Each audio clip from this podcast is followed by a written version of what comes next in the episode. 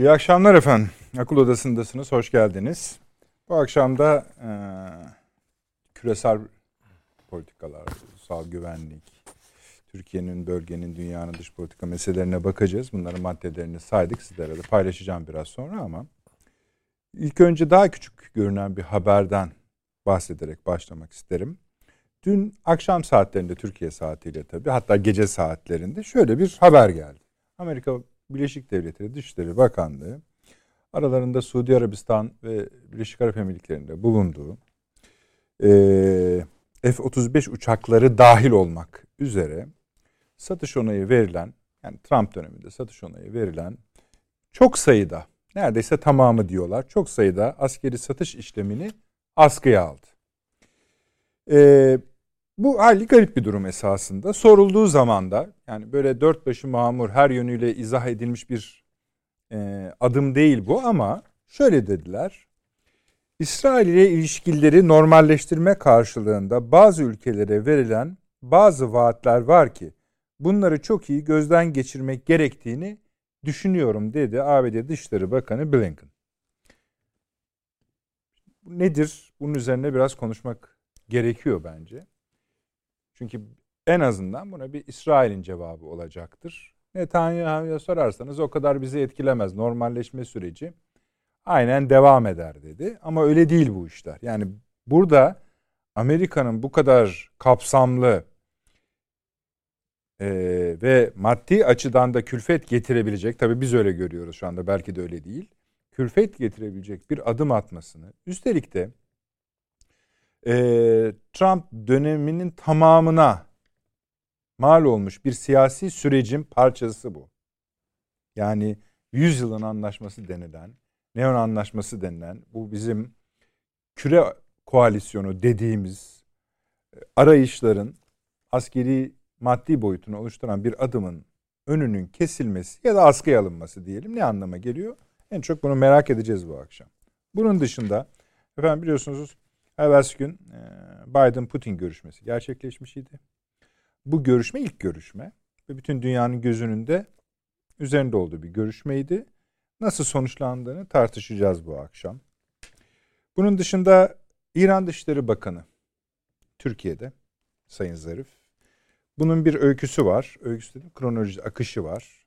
Anımsayacaksınız. 26'sıydı yanlış anlam hatırlamıyorsam. 26'sında Rusya'daydı, Moskova'daydı Lavrov'la görüştü. Buradan çıkışta da salı günü biz konuşmuştuk anımsayacaksınız. Soçi Astana sürecinin devam edeceği ve bir sonraki toplantının e, hazırlıklarına başlandığı söylendi küresel kamuoyuna. Ancak orada bir şey daha söylendi. Onu da hatırlayacaksınız. Altılı bir bloktan bahsedildi. Rusya, Türkiye, Azerbaycan, Gürcistan, İran. Tamam oldu mu Avni abi? Altı mı? Ne eksik kaldı? Pa, e, Pakistan yok ama Pakistan saymadı. yok. Ermenistan. Ermenistan, Ermenistan doğru. Evet. Bunların bir araya gelecek. Şimdi bu iki kalemin üzerine yani 26'sında bu oldu. 27'sinde işte demin bahsettiğim ABD Başkanı Biden'la Rusya Devlet Başkanı Putin arasındaki görüşme gerçekleşti. Bir parçası da bu. Onu konuşacağız. Yani birçok parçası var. Yeri geldiğinde onu.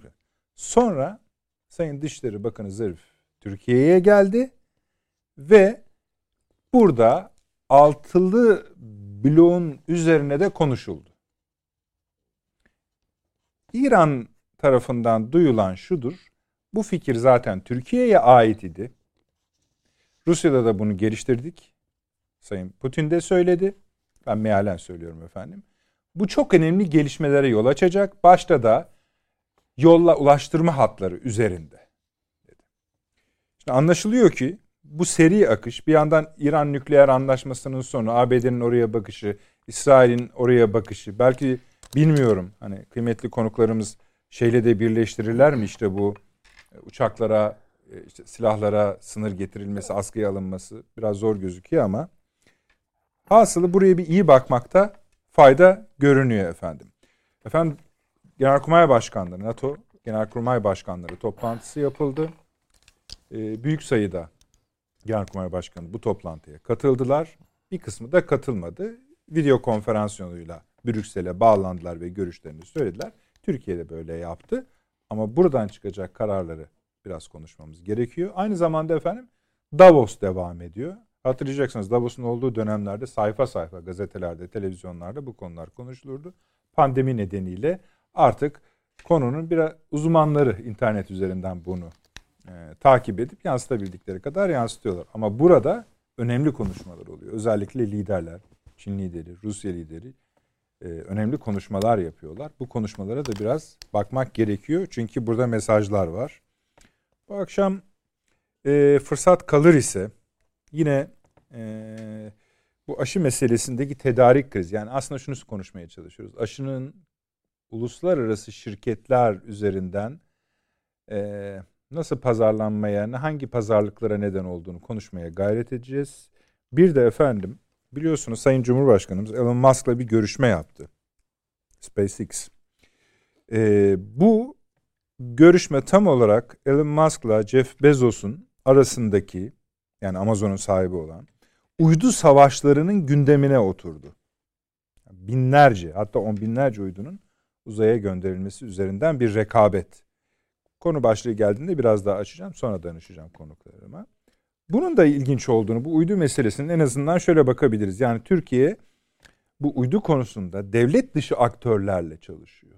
Bu ne demektir? Bunu da bir konuşmak isteriz. Bunlar önemli konular. Sayın Avni Özgür, Avni abi hoş geldiniz. Hoş bulduk. Profesör Doktor Süleyman Seyfi Hocam hoş geldiniz. Hoş bulduk. Sağ olun. Ankara'da Profesör Doktor Taşansı Türker hocam var. Var oluyor ve biz görebiliyoruz kendisini. Hocam hoş geldiniz. İyi akşamlar. Hoş hoş bulduk. Hoş bulduk. İyi akşamlar, saygılar, selamlar Peki. Nedret Bey. Ee, Avni abi şu şeyden bu askıya alma işinden başlayalım. Siz ne anladınız? Yani çünkü şu soru bir takım sorular e, ortada. Tamam askıya aldın evet. da aynı dönemde yapılmış bazı başka ülkelerle de anlaşmalar var. Onlar askıya alındı mı mesela? Yunanistan'da şurayla burayla sanmıyorum. Hayır onlar askıya alınmadı. Bu Körfez bölgesi. Körfez ülkesi. Ne, ne, ne demek bu e yani? Şimdi bunların hepsi Amerika'ya verilmiş sözler var. Tamam. Yani seçimden önce. Tamam. Amerika'ya verilmiş sözler var. Biz senden bir 150 milyar 100 milyar dolarlık silah alacağız. Tamam. İşte bunun 30'unu uçak, işte 70'ini bilmem, 40'ını bilmem ne falan olarak falan. Şu Sen oval ofiste hani Trump'ın Evet, o mu? evet, Arkadaşlar evet. o görüntüyü bulabilirsiniz. Evet. Seyircilerimize Şimdi, hatırlatalım. Video anlaşmalar şey. imzalandı yani. Taahhüt şeyleri var yani falan. Ee, ve buna dayanarak belki işte o Kushner falan da geldi gitti. Ee, Trump'ın muhtemelen seçim kampanyasını da desteklediler. Ee, bu Diyorsun. zevat.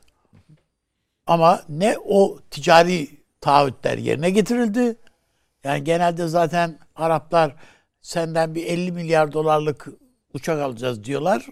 Ama işte diyelim ki 5 500 milyon dolar falan vererek falan bu işi e, biraz geçiştirmeye falan çalışıyorlar. Çünkü alsalar o uçakları koyacakları yer de yok zaten. Yani hepsi e, Amerika'da bekliyor. Üstüne brandayı çekiyorlar. E, tıpkı bu e, tek, değişik ülkelerin altınları e, Amerikan Merkez Bankası kasalarında bekliyor ya. Tıpkı bu onun gibi yani. Sizin F-16'lar bizde diyor Amerika. Merak etme yani hepsi. Toz moz filan. Toz, toz olur. Zaten körfez dediğin zaten kum. Yani kumlu bölge. Zaten hani el, ellerini belki tam kullanıp kullanamadıkları da belli değil. Tabi ayrıca dediğiniz gibi onlar da yani zaten bir kısmını hatta emanet edilemedikleri için Amerikalı veyahut da e, üst başçavuşlar falan kullanıyor Amerikalı. Yani filan diyorlar. Buna rağmen de zaten Yemen'de filan çuvalladılar. Öyle. Yapamadılar. Her neyse yani sonuç itibariyle askıya almak e, almalarından daha tabii bir şey olamaz. Yani zaten paraları vermediniz. Dolayısıyla biz de asker aldık size küstük gibi bir şey. Parayı vermediler kısmı yani. Ya o parayı harcayacağız dediniz ki yok o para. Hı hı hı. Anladım abi. Yani bizim e, hepsi yat, işte biz F-16'ların üretimini durdurduk diyor adam. Siz bir takım taahhütlerde bulundunuz. E o taahhütler yerine gelmedi. Biz de bu projeyi sürdüremiyoruz. Dolayısıyla ben bu Peki Şey şu son önemli. benim okuduğum cümleyi ne diyorsunuz? Şimdi ABD Dışişleri Bakanı'nın cümlesine. İsrail ile ilişkileri normalleştirmek karşılığında bazı ülkelere verilen bazı vaatler var. Yani Amerika'nın verdiği vaatler. E tabii canım. Tamam. Amerika'nın da verdiği vaatler biz seni meşru hale getiriyoruz diyor ya. Yani merak etme senin iktidarını garanti ediyoruz. Ee, yani devrilip gidiyordunuz hepiniz. Burada bir cezalandırma görüyor musunuz Tabii ayrıca? var. Yani şu birincisi bunun devamı söz konusu. Yani bu İsrail'e ilişkin hiçbir problemin or- ortaya çıkmasını istemiyor Amerika. Yani yan çizmek yok bu işlerde. Yani bazıları birdenbire bu mesela bugün bu karar şey yapılınca acaba bu Kudüs kararından vaz mı geçti Amerika filan filan gibi veyahut da hayır asla zinhar. Böyle bir şey olmaz yani. Hiç. Yani plan ortada duruyor. Plan ortada duruyor. O e, İsrail'le ilişkileri normalleştirme hatta normalden bir adım öteye de taşıma işinden yan çizmek yok. Çok doğru. Siz bunda devam edeceksiniz. İşte bu yani o zaman cezalandırma bu şekilde. Cezalandırma bu zaten. Yani bak verdiğiniz ne para taahhütlerine getiriyorsunuz, yerine getiriyorsunuz ne siyasi taahhütlerini. Hani büyükelçilik açıyordun? Değil mi yani? İsrail'le karşılıklı büyükelçilik te- teatisi olacaktı. Yani biz Suudi Arabistan'da veya Birleşik e, ya Doha'da neresiyse işte Birleşik Arap Emirlikleri'nde filan filan biz efendim İsrail bayrağını görmek istiyoruz diyor adam ya. Bu kadar basit. Peki abi hatırlayacaksınız. Mesela Suudi Arabistan yönetimi hatta son dönemlerde Birleşik Arap Emirlikleri yönetimi Türkiye'ye yakınlaşma adımları atmıştı. Aradı konuşuldu. Kralla Sayın Evet, Cumhurbaşkanı öyle. konuşuldu falan filan. Anlıyorduk ki o zaman ya da öyle yorumluyorduk ki bu Biden döneminin esintilerini bu ülkeler kuvvetli hissetmeye başlıyorlar. Şimdi bu on- onunla da mı bağlı? Elbette hepsiyle bağlantılı. Yani adamlar seçim öncesi bu söylediğiniz dönemde Tabii. seçim öncesi tıpkı bunlar e, kumarhanede e, çeşitli işte kırmızıya oynar, siyaha oynar, e, şuna oynar, buna oynar. Yani hep taşları değişik e, şeylere yatırırmış gibi yatırıyorlardı. Şimdi hangi taş şey kazandıysa ya da kaybettiyse ona göre kendilerince pozisyon alıyorlar. Bu körfez ülkelerinin yani yeni yaptıkları bir siyaset değil bu. Ee, öteden beri uygulaya geldikleri bir şey ama bu sefer yutmadı. Yani Biden olsun işte Batı'da başkaca Yani kaygılanmakta haklılarmış. Tabii canım kaygılanmakta haklılar. Onun için göreceksiniz daha net bir takım şeyler e, ol- olacak. Sırf yaranmak için mesela Mısır e, bir yerde bir Mısır e, şeyde e, bu ihvandan bir grup bulmuş. Onları tutuklamak için canhıraş bir çırpınma içerisine girerek hatta aralarında Türkler de falan da var. Bir yıl tutuklamalar bilmemler sırf Amerika'nın hoşuna gidecek şeyler yapalım diye. Onları yapıyorlar falan yani. Bu kadarcık haliyle belirleyici bir şey mi? Bizim yani mesela bize bir yön gösterebiliyor mu bu olay? Ya bizimle ilgili bir yön şu ana kadar yok. Yani olumlu manada yok veyahut da en azından. Ha onu başka tartışalım. O- hani biz buna bir bakarak şey. ha, Yani Körfez bize- ülkeleri bundan sonra şöyle davranır diyebilir miyiz Hayır. anlamında? Ha, Şu bunların e, tabii hocamlar ne düşünürler onu bilemem ama Körfez ülkelerinin kendilerine ne yapmaları gerektiğini tebliğ edilmesini bekliyorlar şu anda. Yani birisi bunlara tebliğ edecek. Şöyle yapsanız iyi olur Ya diye. bu dönemde göreviniz bu, budur şeklinde. Evet. Misyonunuz budur. Şunu yapın, bunu yapmayın. Yemen'den işini bırakın, Yemen işini. Öbürünü bilmem ne edin. Bak ben daha İran hattını şeyini be- belirlemedim. Ben belirleyeyim ondan sonra ne yapacağınızı size söylerim. Daha biraz durun hele falan diye. Yani baktığınızda onun için e, onlar bütün şeylerini şu anda rolantiye almış vaziyetteler. E, ne e, muhtemelen hani biz diyoruz ya böyle Prens Salman filan korku içindedir filan. Hayır onlar da bir korku içinde değil. Parayla bu işleri halledebileceklerini düşünüyorum. Zaten Suudi Arabistan'ın bütün paraları Amerikan bankalarında bekliyor yani. Yani ne var ki yani bunda endişe edecekleri bir şey yok Amerikalıların. Çekmeye kalksınlar bak o zaman ne, neler oluyor. Yandı gülüm keten elva yani. Parayı çekmeye kalksın. Yani hayır oradan çektik İsviçre bankalarına yatırıyoruz. Bir, bir denesin de bak gör. Peki. Tabii biliyorsunuz bugün MGK Milli Güvenlik Kurulu Evet. var idi. Onun şu anda şeyi önümüzde. Bildiri çıktı mı? Çıktı. Müsaade ederseniz yani yeni taze geldiği için sizle paylaşayım. Siz de e, sevgili izleyicilerimize de paylaşalım. Bakalım bize ne düşecek bu bildiriden. Bir, Milli güvenliğimiz açısından önem arz eden iç ve dış meseleler çerçevesinde 2020 yılında dünyada ve bölgemizde yaşanan siyasi, askeri, ekonomik ve sosyal gelişmelerin ülkemiz üzerindeki etkileri etraflıca değerlendirilmiş, 2021 yılında meydana gelmesi muhtemel gelişmeler ve bunlara karşı alınabilecek tedbirler müzakere edilmiştir. 2. PKK, KCK, PYD, YPG, FETÖ ve DH terör örgütleri başta olmak üzere milli birlik ve beraberliğimiz ile bekamıza yönelik her türlü tehdit ve tehlikeye karşı yurt içinde ve yurt dışında azim, kararlılık ve başarıyla icra edilen operasyonlar hakkında kurula bilgi sunulmuştur. 3.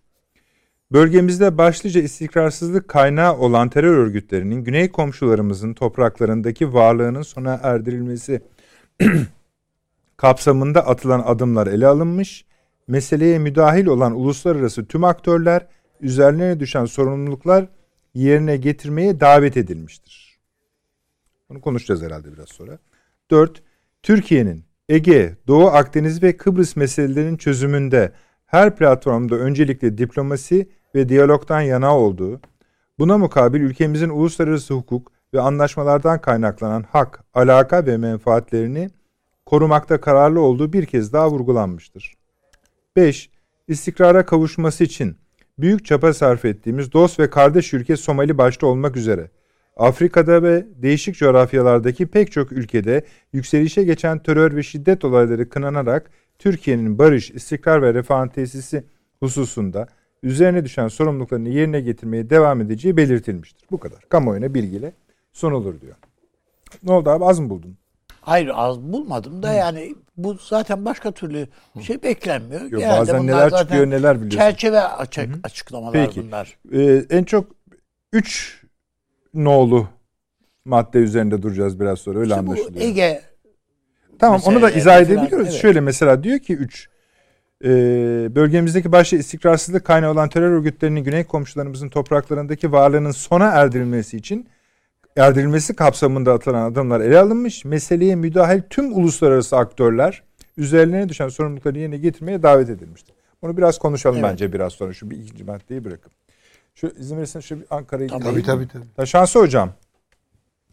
Bu siz nasıl Buyurun. gördünüz bu nasıl diyelim askıya alma meselesini? Yani şey yapacağız e, daha sonra İsrail konuşacağız, Orta Doğu konuşacağız. Ama spesifik olarak bunu nasıl anlıyoruz? Ben şöyle tamamını bir cem etsem aslında. Ha, Belki anladım. Milli Peki. Güvenlik E hadi öyle yapalım o zaman. Oradan da belki daha lazım. genel bir tabloya geçeriz. Buyurun rahat Eğer müsaade, Ha, müs- müsa- müsaadeniz varsa eğer. Tabii. e, şimdi şöyle e, efendim bu Arkadaşlar, Trump yönetiminin dünyaya dair bir e, Siz devam edin Taşans hocam. duy- duyulabiliyor galiba Tabii duyuluyor. Siz devam edin. E, Trump yönetiminin dünyaya dair bir güvenlik mimarisi anlayışı vardı. E, Bu güvenlik mimarisi anlayışının temeli e, bir iki e, kelimeden oluşur sadece. E, O iki kelimeyle özetlemek mümkündür. Bunun adı yetki göçerimi. Yetki göçerimi şu demekti efendim Trump tarafından e, öngörülen dünyanın belli bölgelerinde para harcamadan Amerikan çıkarlarının savunulması için bölgeler bu bölgelerde belirli güçlerin yetkilendirilmesi veyahut yeni güçlerin oluşturulması. Şimdi bu yüzyılın planı dediğimiz e, şey e, tam da buydu aslında. E, Hatta bu normalleşme, İsrail'le normalleşme, işte İbrahim anlaşmaları vesaire ıvır zıvır konuşulduğunda da e, şunu söyleme fırsatı bulmuştum. Burada bir Sami bloğu, Semitik blok yaratılıyor aslında. Yani Orta Doğu'da bir güç alanı yaratıyor Trump. Yani Araplar ve İsrail'i birleştirerek burada bir güç alanı yaratıyor. Başka bir şey e, belli bölgelerden çekildiği için Amerika vakum yarattığı için mesela Kafkasya'yı sonra konuşacağız biliyorum. E, mesela Kafkasya'da da e, bölge ülkeleri kendi aralarında bir barış getirme çabası içine girebiliyorlardı. Trump döneminin anlayışı buydu. Şimdi buna ikna etmek için Arapları Birleşik Arap Emirlikleri'ni, Suudi Arabistan'ı vesaire ta Fas'a varana kadar bütün bir Arap coğrafyasını düşünün. Trump yönetimi belli sözler vermişti. Bunlardan bir tanesi de F-35'lerdi. Yani F-35'leri almak istiyor bu coğrafya. Peki burada oluşan blok yani kendi içinde bir barış e, ortamı yaratmak tabii ki bir amaçtır ama e, dünyanın gerçeği bellidir. Kimse barış yaratmak için iş yapmaz.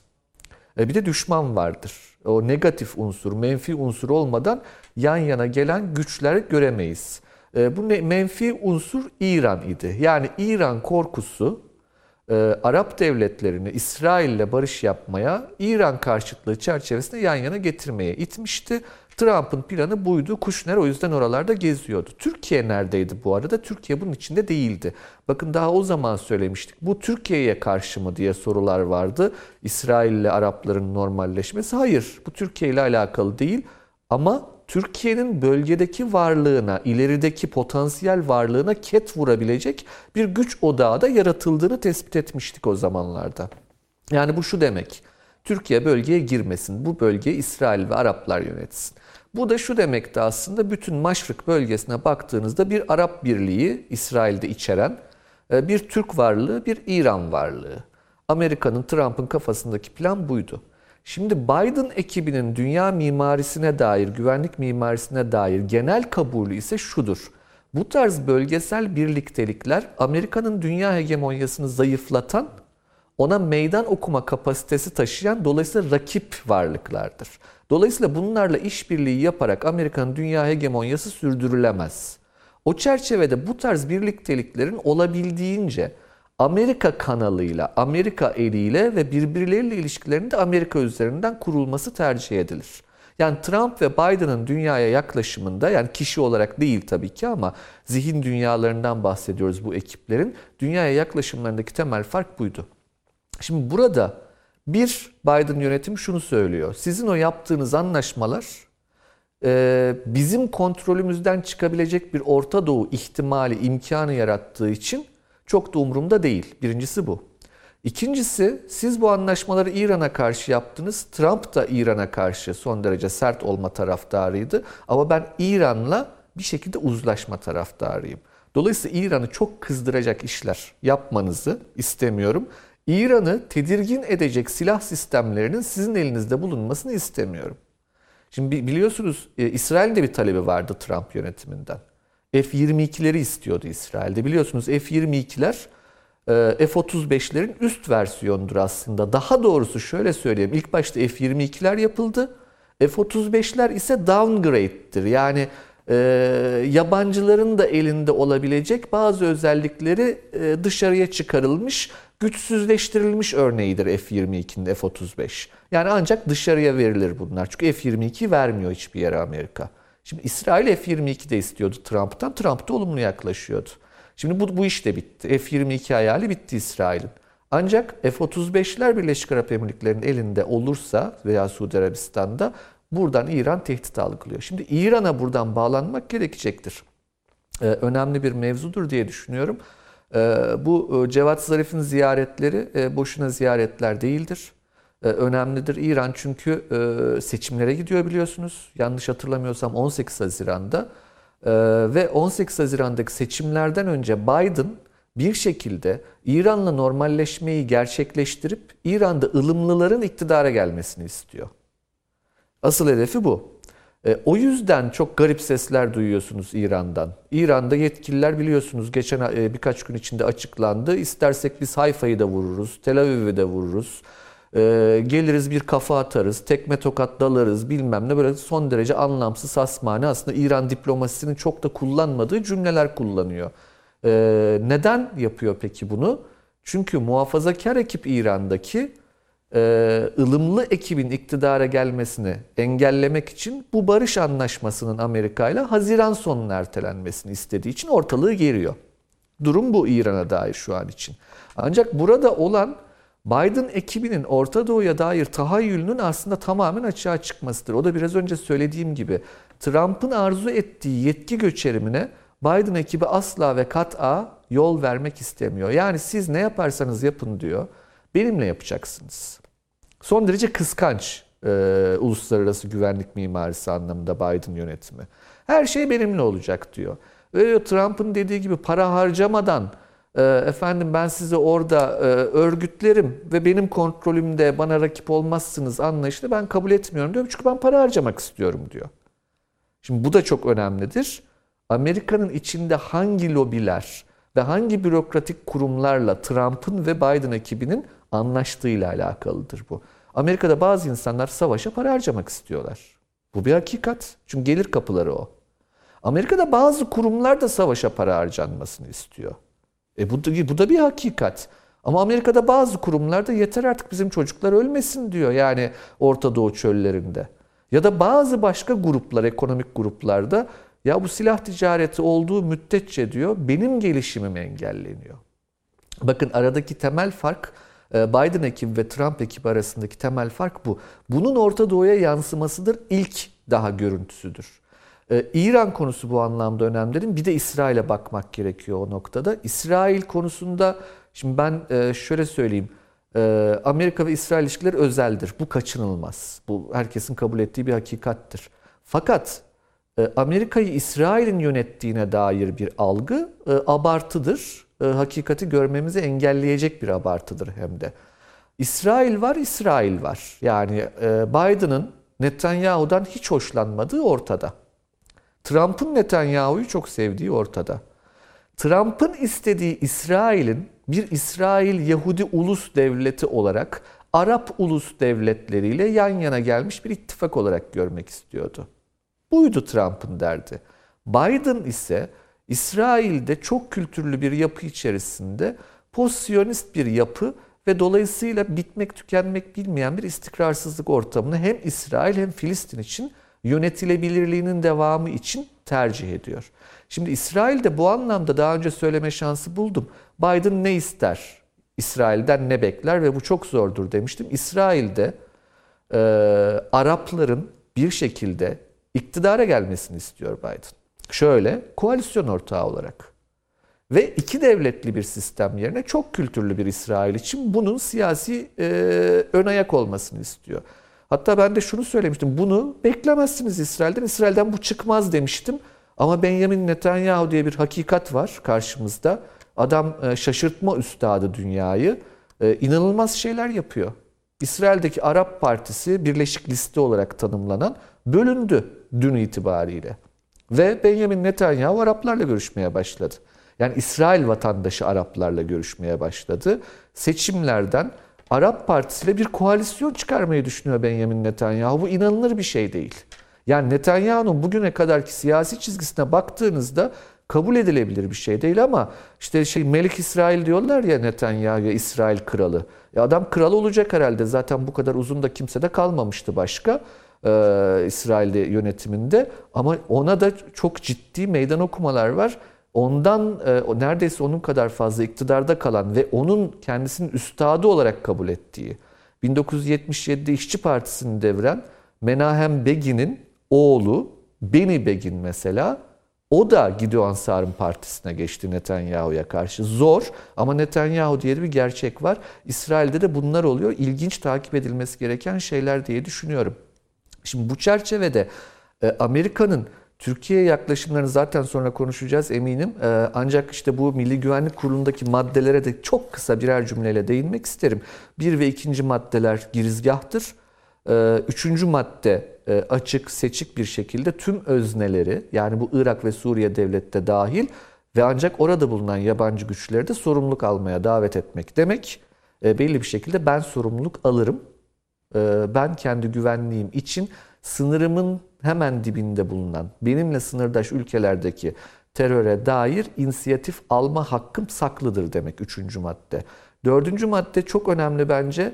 Efendim belki Türk televizyonlarında ilk kez sizin programınızda dillendirildi. Dede ağaç üssü mevzu. Evet. Ve insanlara uzun süre yok efendim bu bizimle alakalı değil dediler. Gayet de bizimle alakalı. E, artık yavaş yavaş herkes anlamaya başlıyor herhalde. E, Trump döneminin de aslında Türkiye için çok hayırhah olmadığını, yani Orta Doğu'da bir yapı kurulurken, Balkanlarda ve Akdeniz'de bir yapı kurulurken Türkiye'nin Trump döneminde de dışlandığını Dede Ağaçüstü iyi gösterir. Girit'in doğusu ciddi anlamda Yunanistan tarafından ısıtılmaya çalışılıyor ve Kıbrıs konusu yeniden ısıtılmaya çalışıyor. Bence en önemli konu zira Avrupa Birliği ile bir yeniden yakınlaşma dönemine Türkiye'nin girdiği aşikar.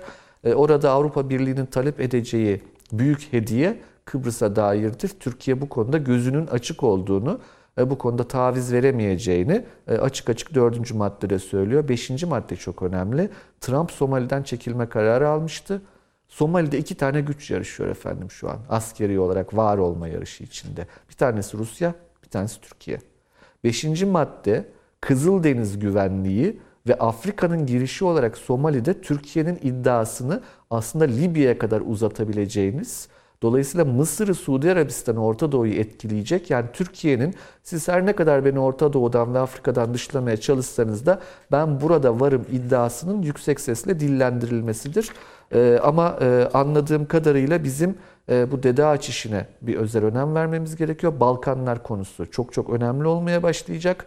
Çünkü e, Türkiye'de e, siyasi olarak ortaya çıkan e, söylem düzeyine baktığımızda Almanya ile yakınlaşma, işte Almanya ile belli ortaklıklar kurma çabası vesaire e, belli alanlarda büyük riskler de getiriyor. Bu risklerin tespit edilmesi anlamında Balkanlar, e, Karadeniz, e, Yunanistan, Ege, Doğu Akdeniz sorunları öne çıkacak gibi görünüyor. Orta Doğu'daki durumu ben birazcık dediğim gibi Trump'ın verdiği sözlerin Amerika tarafından geri alınması, Trump'ın kurduğu mimarinin Amerika tarafından ortadan kaldırılması ve e, İran ve İsrail ile olan ilişkilerde e, ciddi bir rota değişikliği olarak görüyorum. Türkiye'yi doğrudan ilgilendirmez ama dolaylı olarak tabii ki e, epeyce de e, ilgilendiren konulardır diye e, düşünüyorum.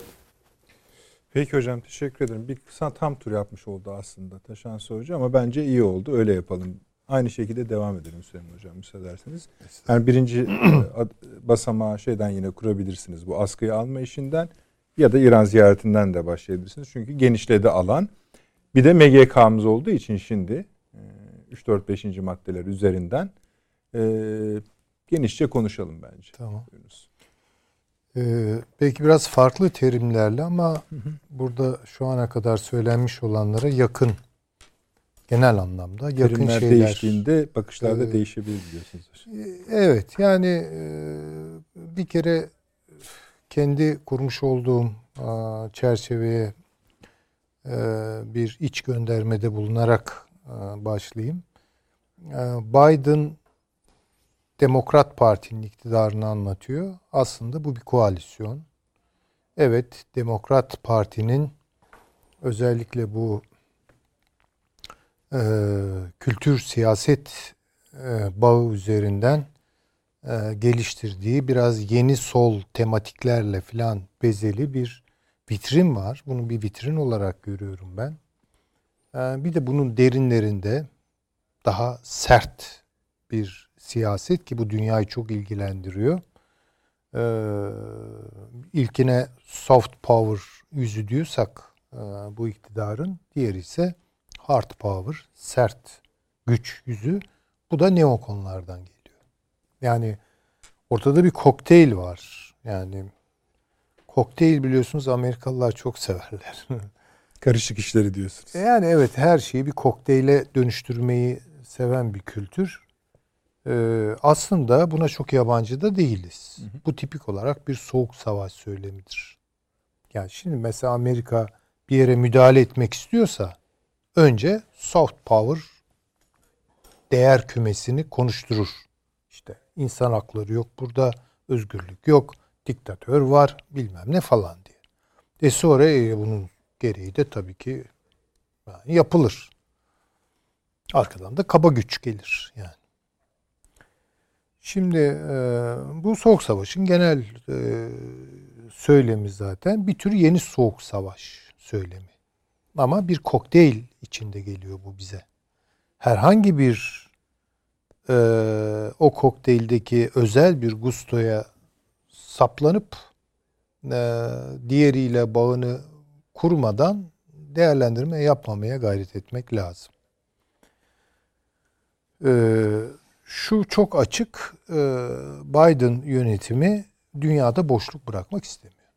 Ben burada tamamen katılıyorum. Yani hem e, üstadımızın söylediklerine hem de Taşan Hoca'nın söylediklerine. Çünkü e, Trump çok güzel bir kavramı kullandı orada. Yetki aktarımı suretiyle işte bölgesel dengeler kurarak, bölgesel ittifaklar kurarak kendini geriye çekmenin zeminini oluşturmaya çalışıyordu. Yani bir anlamda Amerika'nın dünyadan da elin ayağını çekmesi gibi bir e, yönelişi vardı bunun. Hayır, şimdi bu tamamen dış bükey bir şey. Dışarıya doğru yüklenmek ve boşluk bırakmamak. Bölgesel e, ittifaklar ki mesela konuşacağız.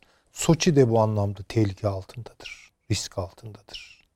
Çünkü yönetemiyor. Yani mesela bir Azerbaycan Ermenistan meselesi oluyor. İşte masada kim var? Kim ön alıyor? İşte Rusya, Türkiye, işte şöyle veya böyle İran, hatta oralardan Pakistan tırnak içinde burnunu sokuyor. Öyle okurlar çünkü. Ve yok yani Amerika. Hatta biz bunu çok tuhaf görüyorduk yani. Tabii. Değil mi? Hı hı. Bu pek alışkın olmadığımız bir şey. Şimdi bu bitti diyor ve ben varım diyor. Azerbaycan Ermenistan mesela meselesi koptuğunda ilk gördüğümüz şey burada bir arındırmanın olduğuydu. Ve arındırmayan ABD'den, Fransa'dan sayır. Şimdi bunun Tabii, sonuçlarına ilişkinde bir şeyler gelişiyor. Tabii çünkü Yani bu altılı lafa nasıl kurarsanız kurun onun tezahürlerinden evet, biri yani gibi. bir tabi buna dirençler olacak. Yani bir e, yeniden Amerikan hegemonyasını ayağa kaldırmak istiyorlar. Bir Amerikan değerlerine bir gençlik aşısı vurarak işte onun söylemi, programı üzerine konuştuk. İki, pazusunu da göstererek ve mümkün olduğu kadar da tabii bunu yönetebilmesi itibariyle çok sayıda çatışmayı, çok sayıda kavgayı da alevlendirmek istiyor. Yani bunun barışçıl sonuçları olmayacak. Bunun tam tersine çok daha alevli, ateşli sonuçları olacak. Bunu öngörebiliyoruz.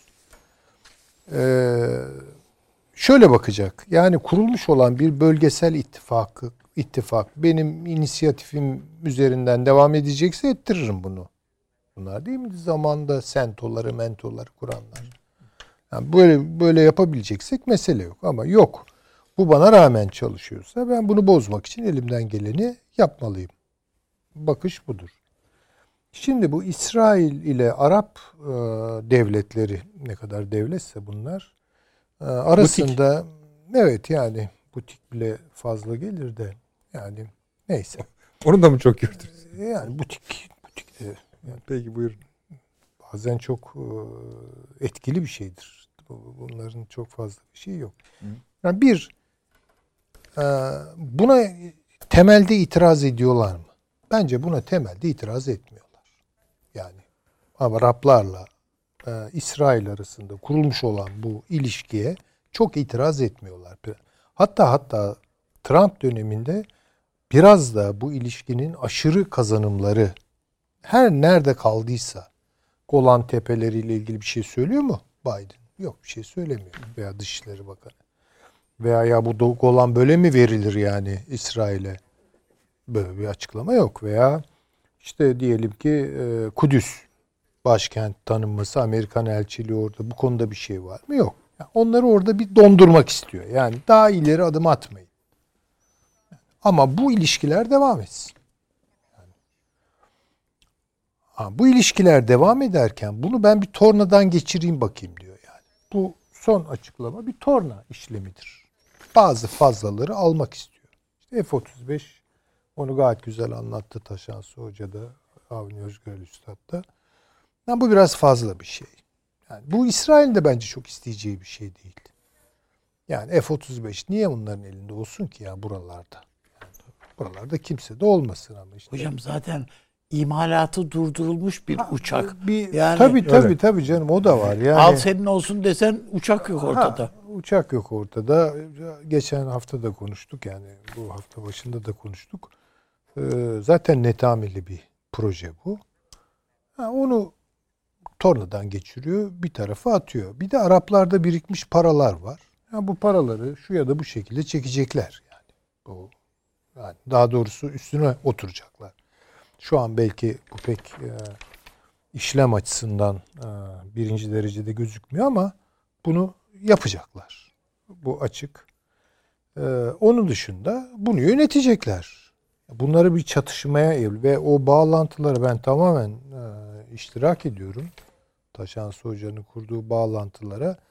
Yani Amerika Birleşik Devletleri mahreçli çok kültürlük falan gibi bir şey giydiriliyorsa bir yerlere bu kabile savaşları başlatılıyor demektir yani. Bunun içi başka türlü dolmaz çünkü buralarda. Bu mutlaka bir şekilde itiş kakış ve kabile. Bu çatışma getirecek olan bir şey. Hiç de öyle barış falan getirecek olan bir şey değil. Bunların bence e, çatışma potansiyeli daha da artıyor. Bunu görelim. E, ben buna hala ihtimal olarak, güçlü bir ihtimal olarak İsrail-İran sav- savaşını da koyuyorum. Şimdi şu an bunun emareleri çok efendim. Israr ediyorsunuz. Evet yani onu çok kuvvetli bir ihtimal olarak görüyorum. Yani bu İran'ı kurtarma meselesi vesaire. Yani İran'da ki rejimin eee, diyelim ki yumuşak yüzü, reformcular falan gibi adamlar gelse bile hiç önemli değildir. Ya İran'da bir kum kentinin baskısı vardır ve onun dışına çıkamaz yani. Hatemi'nin başına gelenleri biliyoruz biz. Yani buradan çıkamaz İran. Emin Hocam bu son Biden görüşmesinde acaba Amerika Rusya'yı bu İran konusunda biraz baskılamış olabilir mi? Sen biraz o el at bak. baskıyı tabii çok doğru. Zaten Sen o baskıyı el at yiyorlar yani. Yani şimdi Rusya da İran'dan hem kurtulmak istiyor belli açılardan hem de onsuz bir şey olmayacağını da görüyor. Evet. Orada bir karar perdesi tutturmaya çalışıyor. Yani Rusya. O kadar da basit değil yani. İran'ı tamamen ekarte edeyim falan. Bu olacak iş değil. Yok. Ha, tamam Ama- Suriye'den çıkaracaksın falan filan da. E ama yani işte tabii o, o kafasındaki mimaride taşları çektiğiniz zaman diğer taşıyıcı unsurlar durumu ne kadar taşıyabilir diye bakacak yani. Bence bu bu kadar da kolay değil. Ama bunu taşıyor olmaktan bu İran meselesi bir anlamda paçasına iyice sıvaşmış bir mesele. Dünya kamuoyu e, nezdinde. E, Rusya'nın bir anlamda burada bir şekilde bir takım e, fazlalıklar olarak gördüğü neyse onları atmaya, onları tornadan geçirmeye e, amade olduğunu da söyleyebiliriz. Şimdi bir dostumuz e, mesaj atmış. Daha çok para alacak. Kim? Biden. Daha çok körfezden. e, tabii tabii öyle bir bir şey Yani var. esasında bu konunun yani Amerika Birleşik e, devletlerinin bu ülkelere yapılan silah satışlarını askıya almasının birden çok sebebi var. Bunları tek tek Tabii. saydık. Ama her bunların hiçbiri körfezi kurtarmıyor. Yok yok buralarda o şeyler sürecek yani. Son kuruşuna kadar keselerinde ne varsa alacaklar. Tahta Af- dahil. Afrika Yani daha ka- amiyane şeyleri var ama öyle söylemiyorum. Peki. Yani ayağındaki Anladım. havucu alacaklar. Ya bu iş Afrika'ya da uzanacak. Süveyş taraflarına da uzanacak. Yani bir kere o sadece Orta Doğu'yla falan da sınırlı kalacak Tabii, tabii, bir tabii. bir şey değil. Yani buralarda hakikaten daha yangınlı sahneler göreceğiz benim anlayabildiğim kadarıyla. Ee, tabii bizi ilgilendiren tarafları var bunun. Biraz belki uzağında durduğumuz ama tamamen ilgisiz bizden diyebileceğimiz bir tarafı yok. Ona da katılıyorum e, tamamıyla doğrudan veya dolaylı bizi ilgilendiren tablolar ortaya çıkıyor. Mesela Balkanları söyledi. Çok doğru. Yani orada bir şimdi Rusya, Almanya rekabeti o- oluşuyor. Şimdi Türkiye burada hangi pozisyonu alacak? Yani e, işte bu dede ağaç meselesi zaten konuşuyoruz, üzerinde duruyoruz. Bunu Karadeniz'deki yansımalarını göreceğiz. Kafkaslardaki yansımalarını göreceğiz. Yani bu adamların gelişi, Biden'ın gelişi öyle bir dünya barışı gibi bir şeyi Yok canım. bize düşündürecek. Daha az savaş, daha çok anlaşma, daha çok işbirliği falan sakın akın. Yani Netanyahu bunları bu söylerler de yani buna yapmış. yok. Efendim? Netanyahu bu ülkelere uygulanan satışların askıya alınması konusunda normalleşme sürecine zarar vermeyecek. Tabii işte canım yani. ister bunu zaten. Yani şimdi F-35'ler şöyle veya böyle bunların eline niye oralarda niye uçsun bunlar yani? Yani bu işler e, pek İsrail'in de böyle hani dediğim gibi böyle bir İsrail Amerika Birleşik Devletleri gerilim falan ben asla beklemiyorum. Canım, o Yani işler çok bu- karışılıyor. Ya Tabii tabii. bu yönden ele alanlar bu konuda İsrail-Amerika ilişkilerini yok ediyorlar ya da Amerika'yı tamamen İsrail'in yönetimine teslim Hayır, ediyorlar. öyle şey Okuma yok. biçimleri Hayır, öyle. hayır, Taşan Soru da bahsetti ya biraz hani. İkisi de yanlış. İkisi de yanlış. Tabii Ne hiç öyle değil. Tabii ki. Tabii Evet. ki. Ee, şey siz yine sizinle devam edip şey geçelim mi şu e, şeyi de sorayım. Burada yalnız Söyle bu abi. İran meselesine Heh. biraz daha üzerinde durmak O zaman Soçi lazım. ben de onu soracaktım. Yani o Soçi Ha. Astana ne olacak İşte- şimdi? Ne işte demek şimdi yani? şu. Biz ne diyeceğiz? Birisi ben İran'daki duyarlılığı bir şekilde ayrı tahlil etmek lazım. Duyarlılık. Yani seçim oldu. Biden'dan gelen bir takım sinyaller var. Yani biz çok fazla Amerika'dan e, İran'a ne gittiğini bilemiyoruz. Ama İran'ın çok ciddi bir tedirginlik içinde olduğu anlaşılıyor. Durup dururken Öyle. hem istihbarat zaafı var içimizde hem güvenlik zaafımız var diye doğrudan doğruya yani ruhani bunu açıkladı. Yani e, şeyin e, bu Süleymani'nin öldürülmesi efendim bu e, şeyin e, nükleer silahların yapımından sorumlu veyahut da araştırmadan sorumlu işte bilim Mühendis, adamlarının filanına dönük şeyler o Amerikan operasyonları, İsrail operasyonları adına ne dersek diyelim bunun İran'ın içindeki bir takım temin edilmiş elemanların bilgi istihbaratında olmadan mümkün değil zaten bu operasyon. Yani e, şeyin e, bu e, nükleer tesise yönelik e, operasyona yani bu bilim adamına dönük saldırıya baktığınız vakit bunun İran'ın içinden destek alınmadan e, gerçekleştirilmesi mümkün değil. Bunların hepsini zannediyorum araştırmışlar falan ve bundan dolayı İran kendiyle ilgili bir iç sorgulamadan hem güvenlik teşkilatını hem istihbarat teşkilatını gözden geçiriyor ve tasfiyeler var doğruysa.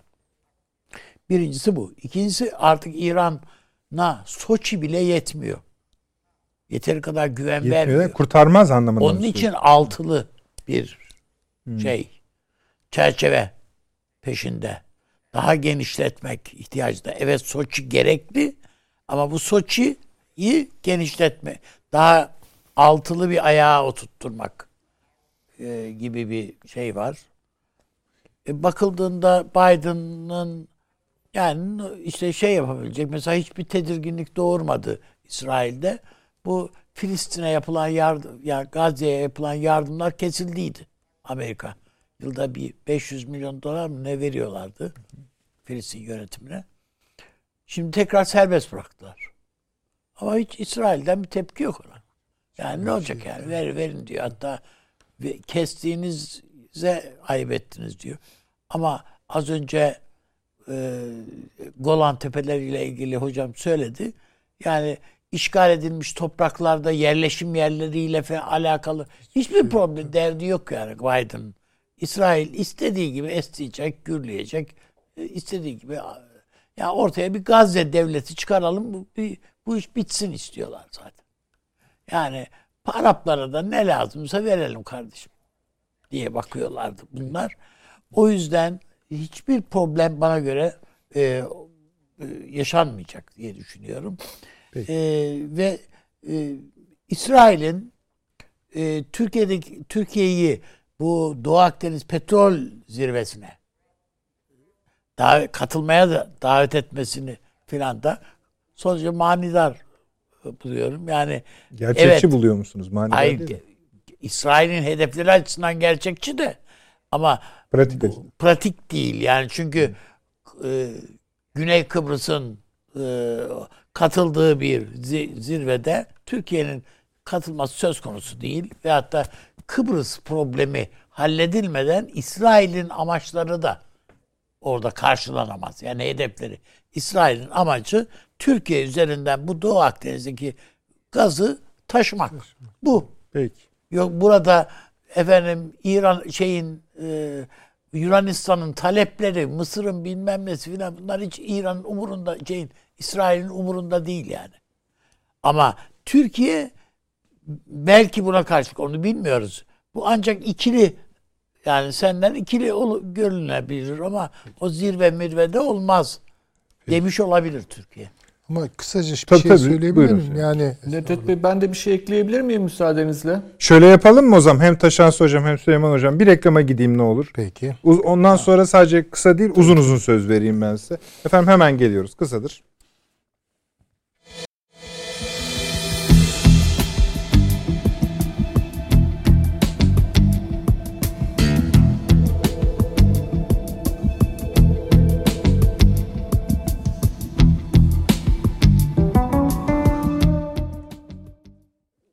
Döndük efendim. Akıl Odası devam ediyor. Hem Süleyman hocamıza söz vereceğiz. Arkasından da Taşans Hoca bir şeyler eklemek istemişti. Ana konu üzerinden devam ediyoruz. Buyurun Süleyman Hocam. Benimki çok kısa e, İran'la ilgili Buyurun. olarak. işte hep şu söyleniyordu. E, Biden iktidarı İran'ı rahatlatacak. Öyle bir şey olmadı. Hiç öyle bir şey olmadığı bir kere çıkıyor ortaya. Ee, ikincisi şunu da görmemiz lazım. İran'daki rejim bu ılımlılar, radikaller ayrımını filan bir tarafa bırakalım. Kuruluş prensiplerine sadakat e, ölçüsünde e, rejimin de aslında çok sıkıştığı bir noktaya isabet ediyor. Savaş bu gibi e, kara bulutları dağıtır. Bu biliyorsunuz Hegel'in şeyidir. Yani İran'daki kara bulutları dağıtmak için de bir savaş ortamına hakim olmak. Bir kere girip girmeme meselesi bir tarafa. Yani mesela Biden e, İran'ı rahatlatıp e, ne bileyim ne yapabilirdi ki yani diyelim ki mesela İran'da e, nükleer e, araştırmalara engel koymuyor ve adamlar nükleer silah yapıyorlar. hı. Yani ne olacak? Bunu atacak yani. Değil mi? Er geç atacak İran. Dolayısıyla bu kırılgan ekonomilerle silah ilişkisi de biraz riskli bir iştir. Ee, bir kere İsrail buna izin vermeyecek. Benim bildiğim odur. Yani eğer bu senaryo doğruysa İran nükleer silah yapma aşamasına gelmek üzere ise İsrail bunu asla kabul etmeyecektir. Yani Amerika Yani ne bu- derse işte desin. İran'ın yani. Bu- nükleer yapıp yapmaması konusunda kimseye inanacak durumda değiliz. Bu yüzden de şu andaki aşamayı bilmiyoruz. bilmiyoruz tabii İran'a da inanmıyoruz. Amerika'ya hiç inanmıyoruz. İsrail'e hiç hiç inanmıyoruz. Tabii. Ama yani eğer bu doğruysa bu dosyayı öyle Ama prensip Kapatalım. olarak yapma hakkını tanıyor Ankara. tabii ki yani işte o zaman da e, eğer bu doğruysa İsrail'in buna göz yumması diye bir şey söz konusu olmaz. Bir kere çok sıkı takip ediyor her aşamasını eminim. Peki. E, yani İran rejiminin de işine gelebilir bu savaş. Bütün mesele bunu nasıl yönetebileceğiz? Hangi kaynaklarla ve nereye kadar götürebileceğiz? Yani Siz bunun ko- bu konjonktürün bu şartı sağladığını düşünüyorsunuz gerçekten. İsrail-İran E, savaşın, evet. savaşın muhtemel olduğunu düşünüyorum. Yani hiç bunun böyle hani dosyadan kaldırılmış Peki bir şey neden olduğunu- mesela Amerika Birleşik Devletleri ya da Rusya bunu durduramasın? Valla burada İsrail'in e, çok dinleyeceğini zannetmiyorum Zannetmiyorum. ben. Kendi başına hareket etme, Eder yani. İnisiyatif kullanma şeyi var İsrail'in Tabii doğru ki. söylüyorsunuz. Risk orada zaten. Peki devam edeceğiz zaten İran konusuna biraz sonra. Ee, Taşans Hocam buyurun siz de bir şey e, ekleyecektiniz. Ee, Ben de evet bu e, İran konusuna da e, bir şey eklemek istiyorum. Ee, O da şu şimdi İran'ın e, Soçi yetmez daha da kuvvetlendirelim vesaire çıkışı ama aynı anda biliyorsunuz Cevat Zarif'in de bir açıklaması oldu. Ee, Ermenistan'ın toprak bütünlüğü e, İran'ın kırmızı çizgisidir dedi. Şimdi neden bahsediyor burada? Yani Ermenistan'ın toprak bütünlüğü tehdit altında mı? Hani bizim bilmediğimiz bir şey mi var orada? Bahsettiği şey bu e, İran-Ermenistan sınırını oluşturan küçük bir kulak gibi, e, kuyruk gibi aşağı doğru Evet. inen bir bölgesi vardır Ermenistan'ın biliyorsunuz. Asıl o kırmızı çizgi diyor. Nahçıvan'la da Azerbaycan anakarasını e, böler bu çizgi. Şimdi İran'ın derdi e, oradaki geçiş hattı. Yani Nahçıvan'la Azerbaycan'ın bağlanması velhasıl kelam Türkiye ile Azerbaycan'ın bağlanması. Birincisi bu. Şimdi bunu açacağım ama ikincisi başka bir şey var. Hemen kuzeyinde Azerbaycan'da güçlü bir e, İsrail varlığı istemez İran. Şimdi bunu da bir akılda tutalım. Birinci maddeye geri dönelim. Ee, bu bahsettiğimiz hat yani buradaki geçiş hattı İran için kabustur. Şöyle ki kabustur. Şöyle bir dünyaya bakacak olursak e, bu kuşak yol e, projesi çerçevesinde ve ticaret yolları çerçevesinde Almanya ve Çin'i birleştiren 3 tane hat var. Bunlardan bir tanesi Rus hattıdır. Yani Rusya'nın üzerinden geçen bir bağlantı hattı. İkincisi Türk hattıdır. Türk hattı e, Orta Asya, Türkistan üzerinden, Hazar üzerinden, Azerbaycan, Türkiye üzerinden Avrupa'yı bağlar. Yahut İran üzerinden yani Hazar'ın güneyinden Türkiye üzerinden yine Türk hattıdır. Üçüncü hat ise Arap hattıdır. Arap hattı demek de şu demek Hint denizinden Basra ve Kızıldeniz üzerinden Akdeniz'e ulaşan bir hat. Bu da Arap hattı. Şimdi İran bu üç hattın içerisinde yer bulamamaktan kaygılandığı için e, e, Güney Kafkasya'da bir şekilde var olmak ve oradaki istikrarsızlık devam etse İran'ın daha çok işine gelir ama e, en azından orada var olmak istiyor. O yüzden bir şeyin dışında kaldığının farkında şu an. O yüzden bölgeye yani e, kuzey e, kendi kuzeyine yani Güney Kafkasya'ya sirayet etmek istiyor. Ancak asıl bugünün derdi bakın bu bahsettiğim 3 hat ve bu 3 hat üzerindeki mücadeledir. Ve bu üç hattan Kafkasya yani Türkiye, Türk hattı dediğim Türkiye, Kafkasya ve Türkistan hattı bir ülke için çok kritik. O ülkenin adı Almanya. Bakın bu e, stratejik hatlar çok kolay değişmiyor dünyada. Bunu ben sık sık söylüyorum. Tarih tabii ki tekerrür etmez e, fakat kafiyelenir diyorum. Bu şu demek. Almanya nasıl ki hem birinci harpte hem ikinci harpte aynı stratejiyi izlediyse bugün de benzer bir stratejiyi izlemek zorunda. Coğrafya değişmedi çünkü. Şimdi dolayısıyla Almanya-Çin arasındaki ilişkilere, Çin'in Avrupa Birliği ile yapmış olduğu yatırım anlaşmasına ve yeni oluşan bir bloklaşmaya, Alman-Çin yakınlaşmasına özel bir önem atfedilmesi gerekiyor. Burada Almanya-Rusya ilişkileri çok çok özel ve ilginç incelemeye, incelenmeye muhtaçtır. Doğu Avrupa'da rekabet ve işbirliğinin el ele gittiğini görüyoruz. Mesela Macaristan'da Rusya'nın ve Almanya'nın bir yan yana gelişi ve ortaklığıyla Orban'ın iktidarda kaldığını görüyoruz. Polonya'da bir paylaşım olduğunu görüyoruz. E, bu Balkanlar konusu hep böyledir. Ancak burada bir aktör daha var, Amerika var artık. O da bakın Dede Ağaç'tan giriyor, Yunanistan üstünden giriyor Balkanlara. Şimdi bu hat, bu hatlar üzerinden düşünmek ve yeni dünyanın ekonomik kanalları olarak, ekonomik atar damarları olarak bu hatlara iyi bakmak gerekiyor. Kafkasya o yüzden önemliydi. O yüzden Azerbaycan-Ermenistan olayı önemliydi. Ee, İran açısından burada bir kaybetme riski olduğunu tespit ettiği için. Şimdi İsrail İran'ı vurur mu, vuramaz mı? Ee, ben Süleyman Hoca'ya katılamayacağım orada. Yani Amerika'nın e, kontrolü altında olmadan İsrail'in bireysel bir inisiyatif alabileceği kanaatinde değilim ben İran'a karşı. Ee, zaten İsrail içerisinde çok ciddi sorunlarla uğraşıyor şu an. Ee, yani Biden yönetimi İsrail'e tabii ki hasım olarak görmüyor. Fakat Netanyahu yönetimini hasım olarak gördüğü açık.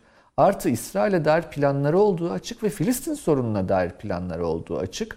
Bakın orada da şunu hatırlamamız gerekiyor. 20 yıldan sonra ilk kez seçim yapılacak 31 Temmuz'da Filistin'de. Hem Gazze'de hem Batı Şeria'da. Ve e, Mervan Barghouti büyük ihtimalle aday oluyor ve büyük ihtimalle son anketlere göre açık ara iktidarı ele alma ihtimali var. Ve e, Biden tarafından da desteklendiği düşünülebilir Barghouti'nin. E, ve burada yani Filistin sorununa dair, Filistin-İsrail ilişkilerine dair de yeni dinamikler var. E, dolayısıyla Orta Doğu e, sıcak bir yaz geçirecek gibi. E, aynı şekilde Balkanlar ve Doğu Avrupa sıcak bir yaz geçirecek gibi. Aynı şekilde Doğu Akdeniz bakın bunların hepsi bizi ilgilendiriyor. Ee, bir de son söz belki şunu söylemekte fayda var. Ee, yeni Dışişleri Bakanı Amerika Birleşik Devletleri'nin bir mülakatta Yani sanki dünyada Tayvan sorunu yokmuş, Tayvan-Çin sorunu yokmuş, sanki Çin denizi sorunu yokmuş, sanki transatlantik ilişkiler sorunu yokmuş gibi üç tane sorun sıralayıverdi. Birincisi dedi Yunanistan çok mağdur ediliyor. Ee, Yunanistan'ın bütün tezleri Amerika'nın da çıkarınadır. Ve biz bunları savunması konusunda Yunanistan'ı cesaretlendireceğiz. İkinci dedi çok önemli bir sorun var dedi. Ee, Ermenistan dedi hak kaybına uğramıştır, saldırganlığa uğramıştır. Ermenistan'ın kaybettiği haklarını yeniden ele almasını, eline almasını konusunda kendisini destekleyeceğiz. Neymişse o hak kaybı kimse bilmiyor. Üçüncüsü dedi Orta Doğu'da bizim yerel ortaklarımız var. Terörle mücadelede bize çok destek oldular. Onların siyasi taleplerini gerçekleştirmeklerine yardımcı olacağız. Yahu Allah aşkına hani şimdi e, NATO müttefikimiz Amerika Birleşik Devletleri'nin Türkiye'ye dair yaklaşımı belli de ya NATO müttefikine bari en azından kapı aralığı bırak kardeşim değil mi yani? Bu kadar da hani e, daha e, şey daha daha yeni oturdun koltuğa. Bu bakın bunlar e, Orta Doğu'nun, Kafkasların, Karadeniz'in, Balkanların, Doğu Akdeniz'in ortasında biz varız farkındaysak. Şimdi dolayısıyla hani Türk dış politikasını ele alırken eleştirilecek çok şey olabilir. Ben de pek çok şeyi eleştiriyorum. E, yani Allah ömür verirse 30 sene sonra 2010'dan 2020'ye ne hatalar yapıldı diye de yazmak isterim. E ama bugünün işi değil yani. Çünkü hiçbir şeye çözüm Doğru, değil doğru bunlar. E, yani dert saymak dert değil. E, tarihçinin işidir sonra yapılır. E, ama ve lakin e, şu an ortada duran, e, ortada karşımızda duran sorun bütün bizi ilgilendiren alanlarda ciddi anlamda e, sorun alanları olarak yani bizi ilgilendiren alanların her birinin sorun alanı olduğunun tespit edilmesi gerekiyor. E, orada işte hep söylüyorum sanat, e, dış politika sonuçta bir sanat. Biz bilimini yapıyoruz olup olanı. Ex sonradan değerlendiriyoruz ama e, bu sanat e, konusu mühim. E, iyi sanatçılık, ince işçilik e, herhalde e, bu dönemin Türk dış politikasının temel e, değerleri olacaktır. Milli Güvenlik Kurulu bildirisinde 3, 4 ve 5. maddelerin sıralanmasını da şöyle söyleyeyim. E, yani bugünden e, iyi sanatçılık, ince işçilik. Peki. Teşekkür ediyorum Taşan Hocam. Buyurun sese. Hesap verin şimdi hadi Amerika'nın yaptıklarını Avni. Yok hayır yaptıklarına benim, benim vereceğim bir aksine benim beklediğim şeyler bunlar. Tamam. Bek- Yani- hangisi? Taşan Hoca'nın söyledikleri mi yoksa Amerika'nın yaptıkları Hayır mı? hayır hayır Amerika'nın yaptıkları. Tamam. Yani yaptıkları zaten yapacak. Hani Taahhüdümüzdür diyorsun. Türkçe'de bir tabir var yani e, Ömer diyeceği diyorsun efendim dudaklarını büzmesinden belliydi Belli. diyor. Yani bu, bu biz bunun ne diyeceğini zaten önceden de biliyorduk yani. Onun için şaşılası bir tarafımız yok. Ortada e, biz bu e, yarın bir gün Türkiye'nin mümkün olduğu kadar erken yani çok fazla vakit de kaybetmeden bu Irak'ta e, Sincar bölgesine e, müdahale etmesi gerektiğini söylerken e, Amerika'nın bütün bu planlarının or, onun üstüne kurulu olduğunu bilerek söylüyoruz. Keza en önemli komutanları yani şu anda Milli Savunma Bakanı zaten Irak'ı parçalayan adam değil mi? Oradaki yani Ama Irak yani işgalinin Hakikaten başka başındaki hiç insan değil mi? bütün sorunlar bitmiş, Ha. salgın bitmiş, pandemi bitmiş, Amerika'da bilmem ne kongre basılmamış vesaire. Avrupa ile kucaklaşmışlar, Rusya ile öpüşmüşler. Da ilk Bismillah söyledikleri bunlar. Ermenistan. E tamam işte yani hiç onda da Yani. onda da şaşılasız şeyler değil. Yani Allah'tan adamların ağzı gevşek söylüyorlar niyetlerini. Yani Türkiye'deki bir takım insanlar bunlardan demokrasi bekliyordu. Değil mi? Sen bize demokrasi getir efendi. Yani Vallahi. bastır Tayyip'in üstüne demokrasi diye. Bunu demiyorlar mı? Bunu diyorlardı. Muhtemelen Filistin'de de bir adam ayarladılar. Bunu seçelim. Buna göre burayı kurgulasın. Buna da elimizden gelen desteği verelim. İşte iki devletli bir yapı kurmuş olduk. İşte Araplara da alın size de bir tane devlet işte kardeşim yani Peki. filan size- diyecekler. Yani bu şey değil. Düşünün ki resmi kurda tümen yani İran İran parası resmi kurda 4000 ye- şimdi baktım 7400 lira şey 7400 tümen 1 dolar. Ee, efendim serbest piyasada 28 bin tümen.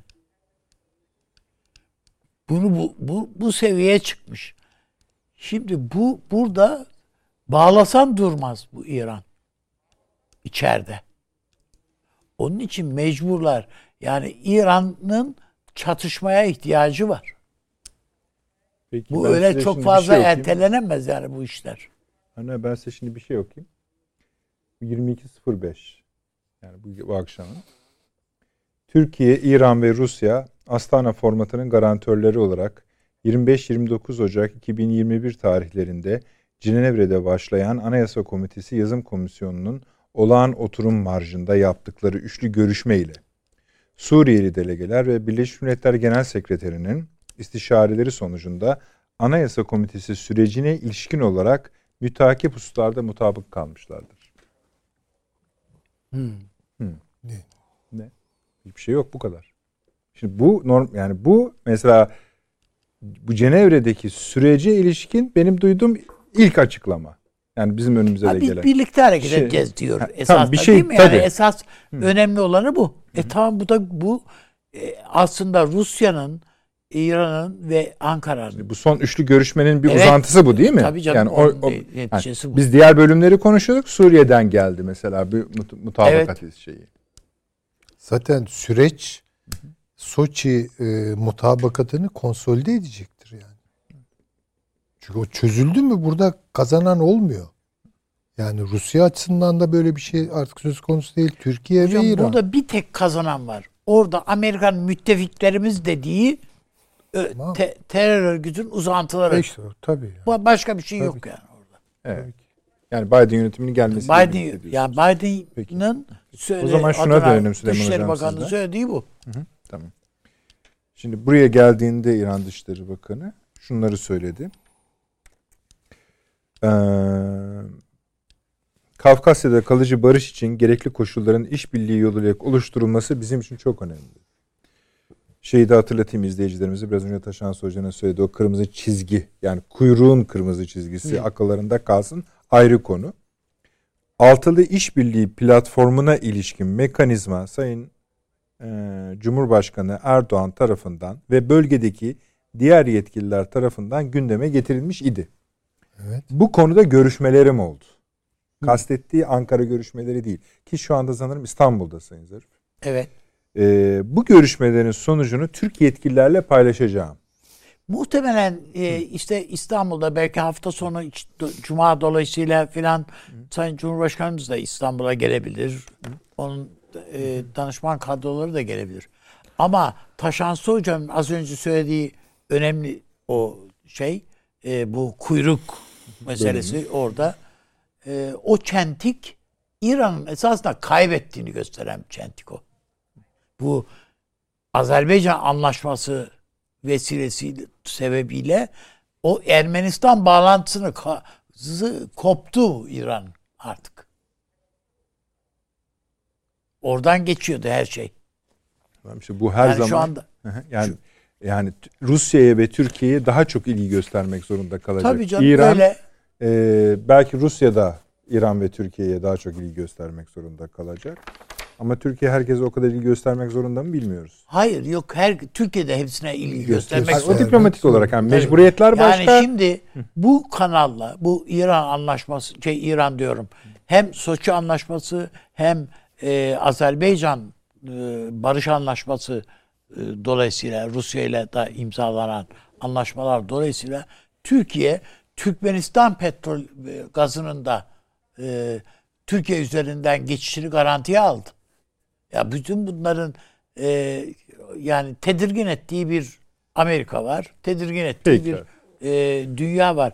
Ha, burada tabii onun için Taşan Hoca'nın söylediği bu Almanya hesapları son derece yerli yerine oturur zaten. Peki. Teşekkür ederim. Süleyman Hocam şu altılı üzerinden biraz yürüyelim mi? Olur. Şu sebepten bir e, Taşansu Bey dedi ki hani e, Türkmenistan Avrupa hattı da buna dahil.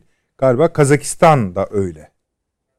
Yani Kazakistan bir sonraki O adım. yu- yukarıdakine İşte ama o hat kurulmuş oluyor sonrası şeye kalıyor. Yani işin yürütülme biçimine kalıyor.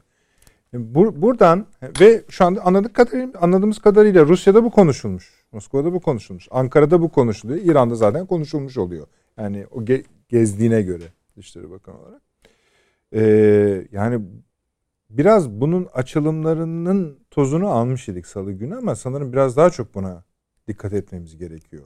Ne olacak yani? Ne demek istiyorlar? Bu altı ülke bir kere herkes mutabık mı? Bir. iki mutabık olmayanların diğer ülkeler tarafından ikna edebileceği hissediliyor. Yani mesela Ermenistan mı mesela mutabık mesela değil? Yani Ne Rusya üzerine Ermeni? gelecek Höt dediği ve zaman oturur. Ermenistan hayır diyecek. tamam peki. Böyle bir şey mümkün değil. Ee, İran burun kıvırıyor muydu? Aksine bunu isteyen İran Peki. zaten. En başta. Ee, Gürcistan bir şey der mi? Yani Yok. NATO, Batı bağı bilmem ne Yani filan. Bir şey olamaz. Peki. O halde bu altılı kurulmuş gibi mi oluyor yani? Ha, bu kadar basit değil tabii. Ha, tamam. Biraz mühendislik istiyor bu Peki işler de. ne, ne olur o zaman konuşmanızda İsrail'i de katın. Ya bu altılı İsrail için ne demek? Ya da bu altılı için İsrail ne demek? Çünkü orada duruyor. Ya bir kere burada Azerbaycan Azerbaycan'ın götürüyor. filan varlığı, Rusya'nın varlığı zaten İsrail için bir güvence canım. Peki buyurun söyleyin. Yani öyle değil mi bilmiyorum yani. İsrail bundan bundan bu a- e, İsrail ne Azerbaycan'ın varlığından ne Rusya'nın varlığından e, tedirgin olmaz. Bir tek burada görünüşte tedirgin olabileceği düşünülen bir tek İran var. Yani çok böyle huylanacak. Ya Ankara'yı e, şöyle biraz daha böyle ortada gibi kabul edersek bir İran var diye düşünebilirsiniz. Ama ben İran'ın da bütün derdinin çok acil bazı meseleleri, dertleri olduğu kanaatindeyim. Ee, bu altılıyı e, adeta kalbi eğer Azerbaycansa bunun yani Öyle mi? e, öyle, Öyle görüyorum gözüküyor. ben. Tamam. Öyle görüyorum. Baştan mayınlayan İsrail ve ben başından beri aman buraya dikkat diye kaç defa söyledim. Yani hatırlıyorsunuz. Hiç hayırah bir gelişme değil bu. Bu çok içeriden bu e, diyelim ki zemin ittifak boyutuna ulaşır mı ulaşmaz mı bilmiyorum ama bu işbirliği ağını delecek olan şeyi baştan oraya koyuyor yani. yani bu- bunu her an bir tuzaklama ve mayınlama e, noktasına getirebilir. Çok bence ciddidir bu. Başından beri çok ciddidir. E, çünkü burada İsrail'in at oynatması hiçbir şekilde bu altılıyı bir araya getiren mekanizmaları veya işte coğrafi e, koşulları veya coğrafi siyasi koşulları kapsamıyor. Ya çünkü şu soruyu sordurabiliyor. Şimdi burada mesela Türkmenistan da olmalı bence mesela. Yani niye yok? Onu da anlamış değilim ben. Ee, işte Biraz Azerbaycan'dır. Ruslara sormak Evet lazım, yani işte bilmiyorum. biraz tabii bunu tartışmak lazım. Bu 6 taneyle sınırlı kalmak zorunda değil. 5 olur, 7 olur bilemem. Ama neticede burada coğrafyanın getirdiği ve o coğrafyayla birlikte düşündüğümüz işte lojistiktir, ekonomidir, şudur budur birçok çok somut gerekçenin içinde anlaşılmaz olan İsrail'in oradaki varlığıdır. Ya şimdi- Esası dediğiniz hocam yoksa Türkmenistan'da fe, yani bütün Tabii. o Orta Asya'da Türk Cumhuriyetlerinden her katılım bu bu pakete her katılım Anlaşılır. Rusya'yı rahatsız eder. Tabii ki onu o O şimdi yani Rusya'nın esas. bunu sınırlandırıcı bir etki Evet. düşüncesi olacağı öngörülebilir. Yani mesela Pakistan'ın buna dahil edilmesinden hoşnut değil. Bunu görüyoruz. Ee, bu işin büyümesi işte başka e, diyelim ki e, coğrafyaları da için, içine yani İpek yolunun işte bütün e, duraklarını aynı zamanda bu Türk bağı üzerinden, Türklük bağı üzerinden falan birle bunlardan çok hoşlanacağını Hocam, Türkiye'de- zannetmiyorum. Tü, şeyde e, Biden bu Türkmenistan şey e, Uygur Türkleri falan diye konuşuyor. bir bakıyorsun yani- hemen Türkiye'de de bir Uygur Atlayanlar oluyor bu işlerin üzerine atlayanlar Tabii ki. oluyor yani. Tabii ki. bu ya. Bu önemsiz bir sorun değil de böyle yönetilirse başka türlü çünkü ortaya çıkıyor. Yani demek istediğim yani bu henüz daha çalışması veya e, Taşan Hoca'nın dediği gibi kuyumculuğu yapılmamış bir iş. Malzemeler var. bunları bir araya getirmek. Yoksa Niye öyle düşünelim ki? Yani biz çıkış noktasını hatırlamıyor muyuz? Ee, Türkiye-Rusya görüşmelerinin bir bölümü sonradan fark ettiğimiz üzere Azerbaycan-Ermenistan savaşı başlamadan bir ay, iki ay önce kurulmaya başlamış bir şeyi işaret ediyordu.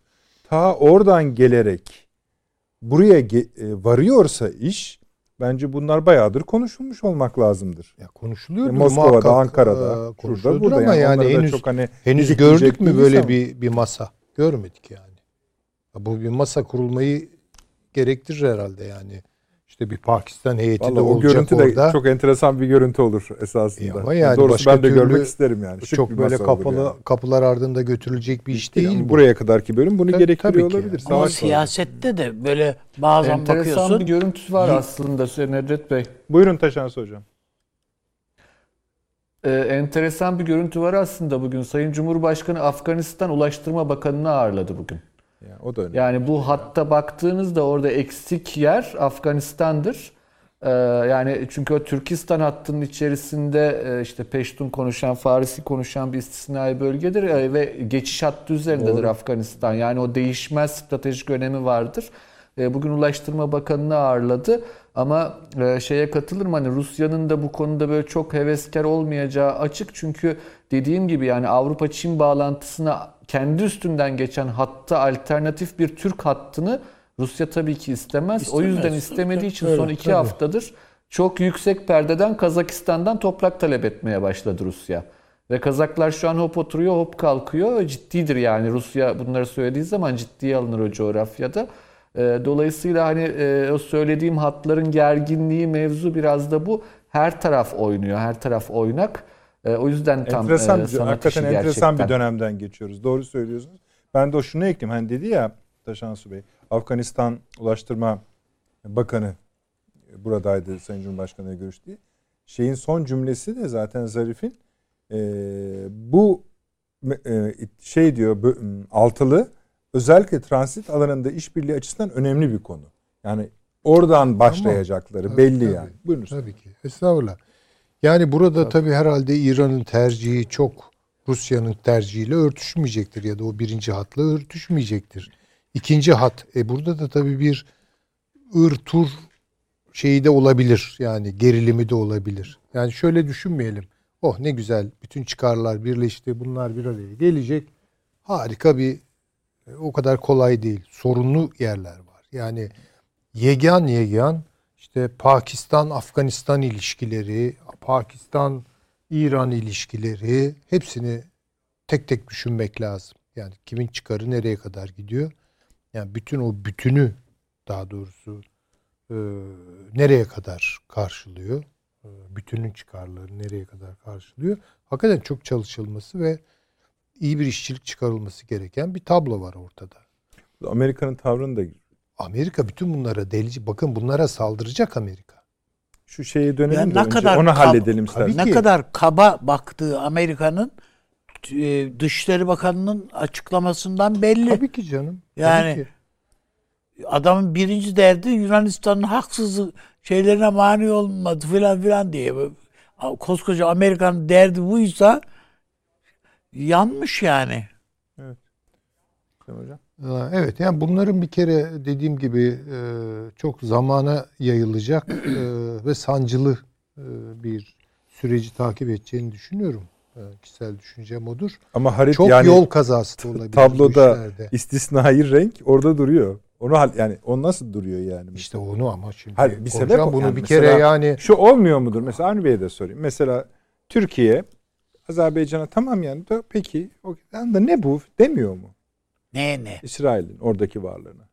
Hayır demiyor. Niye demiyor? Ya Desin başka- diye söylemiyorum. Yani Hayır, merak desin etmez mi? Elbette canım.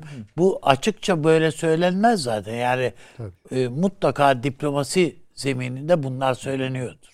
Konuşuluyordur. Bunu sadece Azerbaycan söylemiyor ki. Rusya'da da istiyor zaten o birlik şeyi.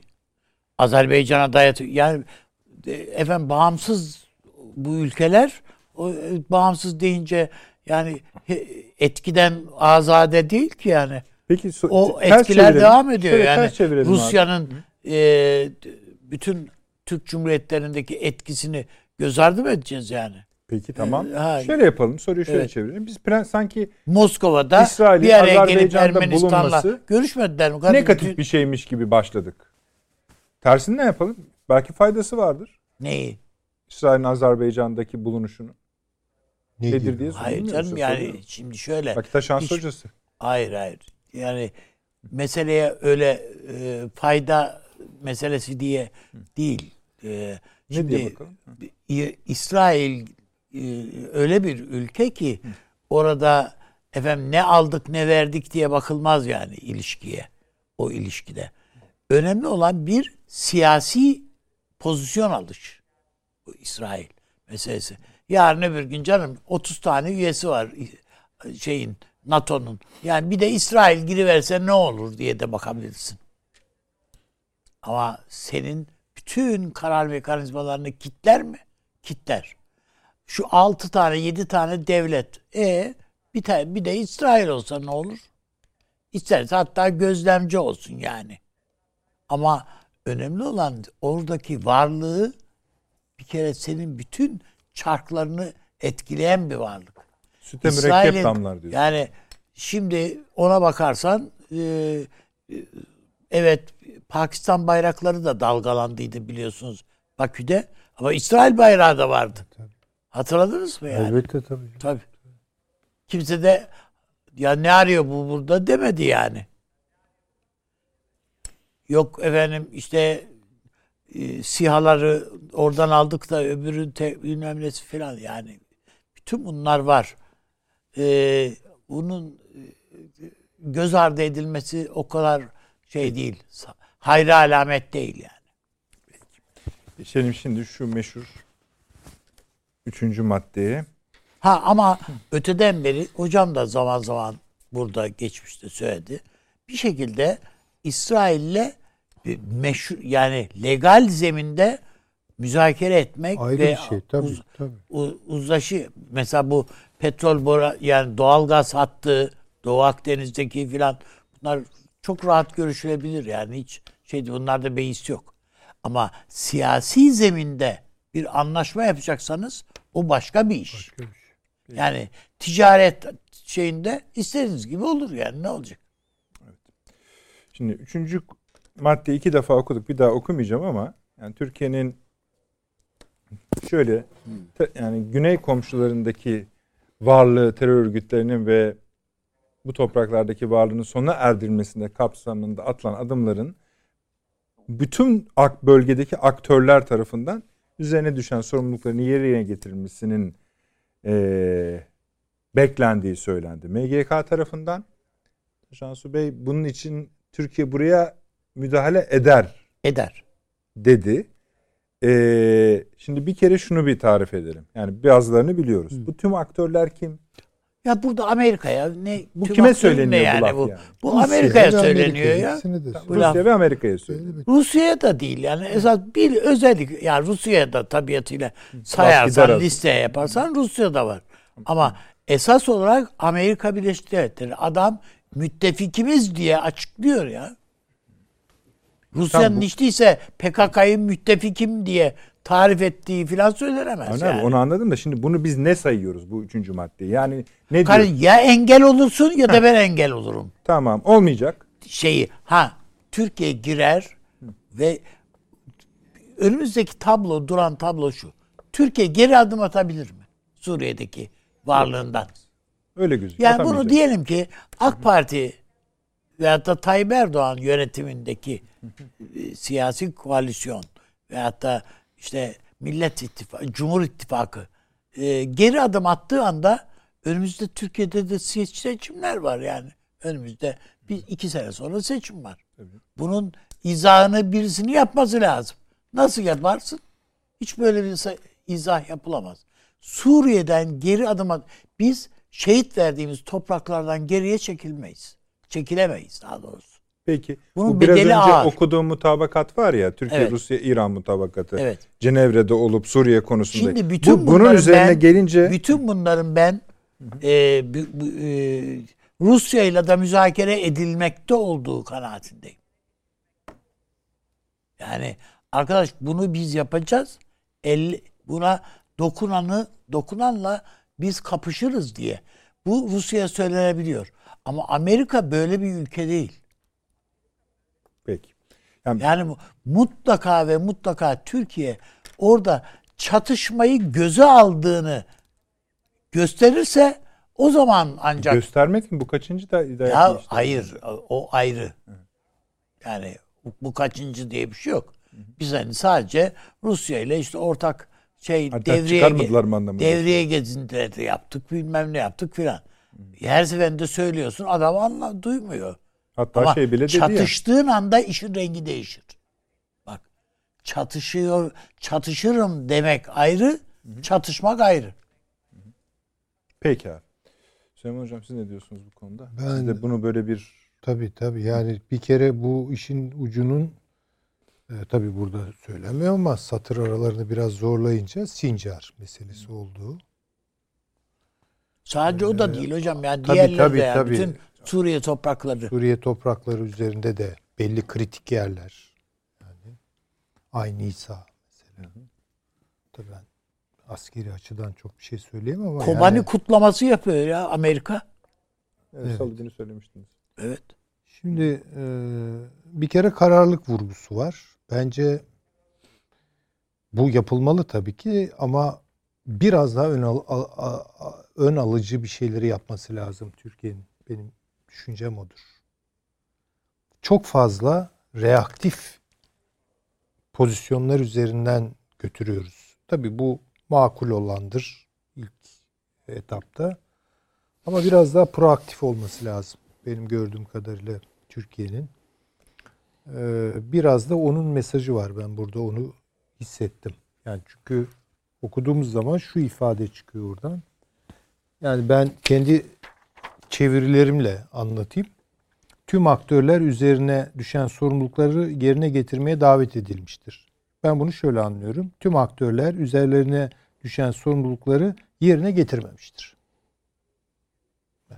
Tabii canım. Tabii. Getirme, sadece getirmemiş değiller bir de üstüne gidiyorlar. Yani O, o, o, anlaşılıyor. o da var.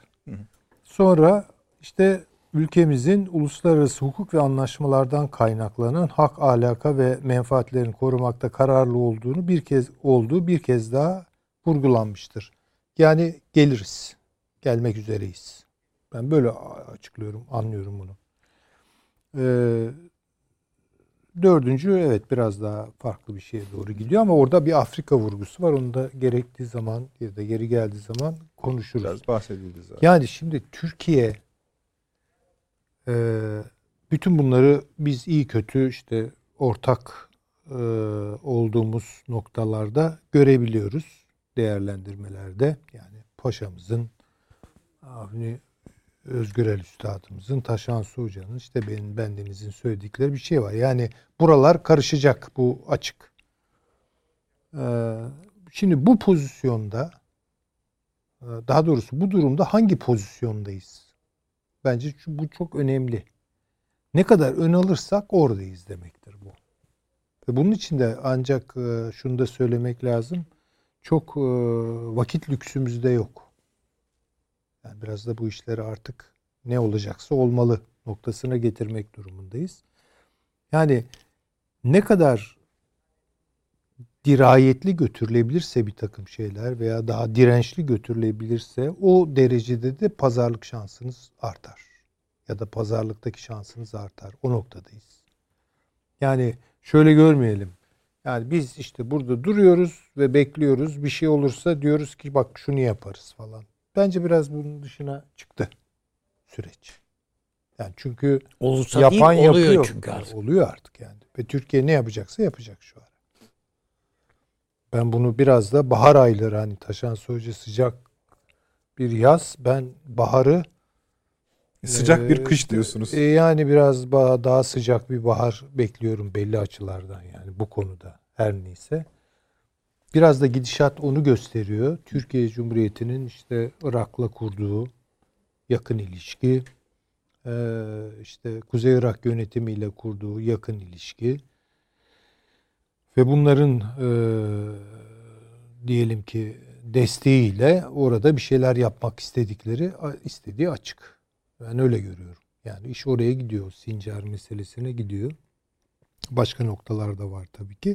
Ha bu ara tabii Rusya ile bunlar nasıl konuşuluyor veya İran'la nasıl konuşuluyor bunları bilemiyorum ama eminim Zarif'in elindeki dosyalardan biri de budur. Yani Kuzey Irak'ı da konuşmak isteyecektir Türkiye Türkiye ile Ee, veya işte Türkiye-Rusya ilişkilerinin muhtemel katmanlarında bu meselenin de konuşulduğunu zannediyorum. Çünkü aksi takdirde orada hakikaten geri çevrilemez bir aşamaya her an geçebiliriz. Bunu bekleyerek mi karşılayacağız yoksa ön alarak mı karşılayacağız? Bu herhalde Türkiye Cumhuriyeti'nin kendi tercihi olacak. Ben biraz burada üçüncü maddede e, onun kokusunu aldım. Daha proaktif bir koku, koku aldım. Öyle söyleyebilirim. Yani sadece öyle işte uyarıyoruz, davet ediyoruz falan e, yani düz okumalarla anlaşılmayacak. Belli kesinlemeler var. Bu ilgili adreslerde bence gerçek ağırlığı, özgül ağırlığı üzerinden okunuyordur. Tahminim odur. Şimdi Taşansı Taşansı hocam, Hoca'ya bir, bir dakika. şey sormak Biz- lazım. Biz, biz, bir- Ha. yine sorun da bir saniye lütfen. Evet. Ee, Taşansı hocam size bir kontrol soru sorayım mı? Böyle deyince de olur mu diyeceksiniz. Ee, biraz önce El Arabia ee, Amerika Birleşik Devletleri'nin Rusya ve Türkiye'nin Libya'dan çekilmesi, acilen çekilmesi yani immediately kelimesini kullanıyor. Haberini duyurdu. Yani başka yerden teyit etmiş değiliz. Ama eee, şimdi bazı uluslararası kaynaklarda oraya aynı kaynağı referans. Onun için biraz siz konuşurken telefona bakmak zorundaydım. Evet, Kusura bakmayın Hocam. Eee, bir de üzerine şimdi bu tüy diker mi? Soru bu. Vallahi hiç şaşırmadım. Ee, Hiç şaşırmadım. Şundan şaşırmadım. Bu programı e, takip eden seyircilerimiz hatırlayacaktır. Libya konusunda eğer Biden yönetimi iktidara gelecek olursa Amerika'da e, Amerika-Fransız ittifakının bir şekilde hem Rusya'dan hem Türkiye'den Libya'da kurtulmak isteyeceğini biz aylar öncesinden söylüyorduk zaten. E, Yani Afrika'nın kuzeyinde Libya'da e, Amerika'nın Türkiye ile bir ortaklık kurma niyeti olacağı kanaatinde değilim ben. Ee, orada e, İngiltere'nin varlığı önemlidir. Onlar ne diyecek bu işe tartışılır. Alman İtalyan bloğu ne diyecektir o tartışılır ama e, yani e, Amerika'nın hani e, bu konuda açıktan daha ilk başta elini yüksek tutarak bir şeyler söyleyeceğini bekliyordum işin açıkçası ben de. E, yani Libya konusu e, şöyle söyleyeyim hani çok önemli. E, Türk Türk askerinin 100 yıl sonra orada bulunması çok önemli benim açımdan. Yani bunun ötesi birisi yoktur. 110 sene sonra oradayız. E, Mustafa Kemal'in savaştığı yerdir orası unutmamak lazım. E, ama e, hani aması şu e, acaba hani e, çok tutunulabilir mi? Nereye kadar tutunulabilir? Kazanımlar ne kadarı savunulabilir? E, siyaset öyle bir şey. Pazarlık işidir eninde sonunda. Yani e, maksimali talep edip optimum bir yerde e, taleplerinizi tutmaya çalışırsınız e, karşılığını. E, Libya konusunda e, ben e, ciddi e, gelişmelerin olacağı kanaatindeyim hızlı bir şekilde. E, Zaten bu e, yapılan anlaşmaların içerisinde de bazılarının e, kadük kalma ihtimali olduğunu daha önce de üzülerek e, hatta hani sevgili izleyicileri de kırma pahasına böyle bir risk olduğunu söylemiştim. Yine o görüşümü tekrar edeyim. Orada Rusya ile Türkiye'nin sadece ikisinin yan yana gelmesi bir şey çözmez zaten ki zaten yan yana gelemiyorlar açık. Ama Almanya-İtalya hattının oradaki etkisiyle Türkiye'nin iyi konuşması gerekiyordu. E, Hala gerekiyor bence ama başka bir şey bundan daha önemlisi belki Mısır. E, Mısır'la Türkiye'nin ilişkilerinin normalize edilmemiş olması e, Libya konusunda da belirli zafiyetlere Türkiye açısından e, imkan yaratıyor, e, ortam yaratıyor diye düşünüyorum. Peki. Ama dediğim gibi haber hiç şaşırtıcı değil. Büyük Vallahi ihtimalle ben de- doğrudur yani zaten. İzleyicilerimiz başladı. Yani telefonla oynamıyorum. Yani bunun hani kaynağını bulmaya çalışıyorum.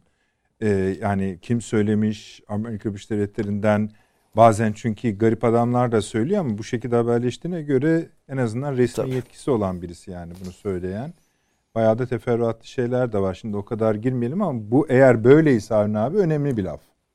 Elbette Evet, önemsiz yani. mu canım. He, Ondan Ben sonra, demin Siz bir Taşansı Hoca'ya evet, ne Taşansı soracaksınız sorun ama bunu bir söyleyin önce. Tabii e, elbette önemli ve ben Amerika'nın dört bir koldan Türkiye'ye yani Rusya'yı da katarak tabii dört bir koldan Türkiye'ye çullanacağını zaten adam demin sıraladı yani Ermenistan, Yunanistan, efendim Güney Kıbrıs, işte Irak, Suriye'deki müttefiklerimiz falan diyerek değil mi?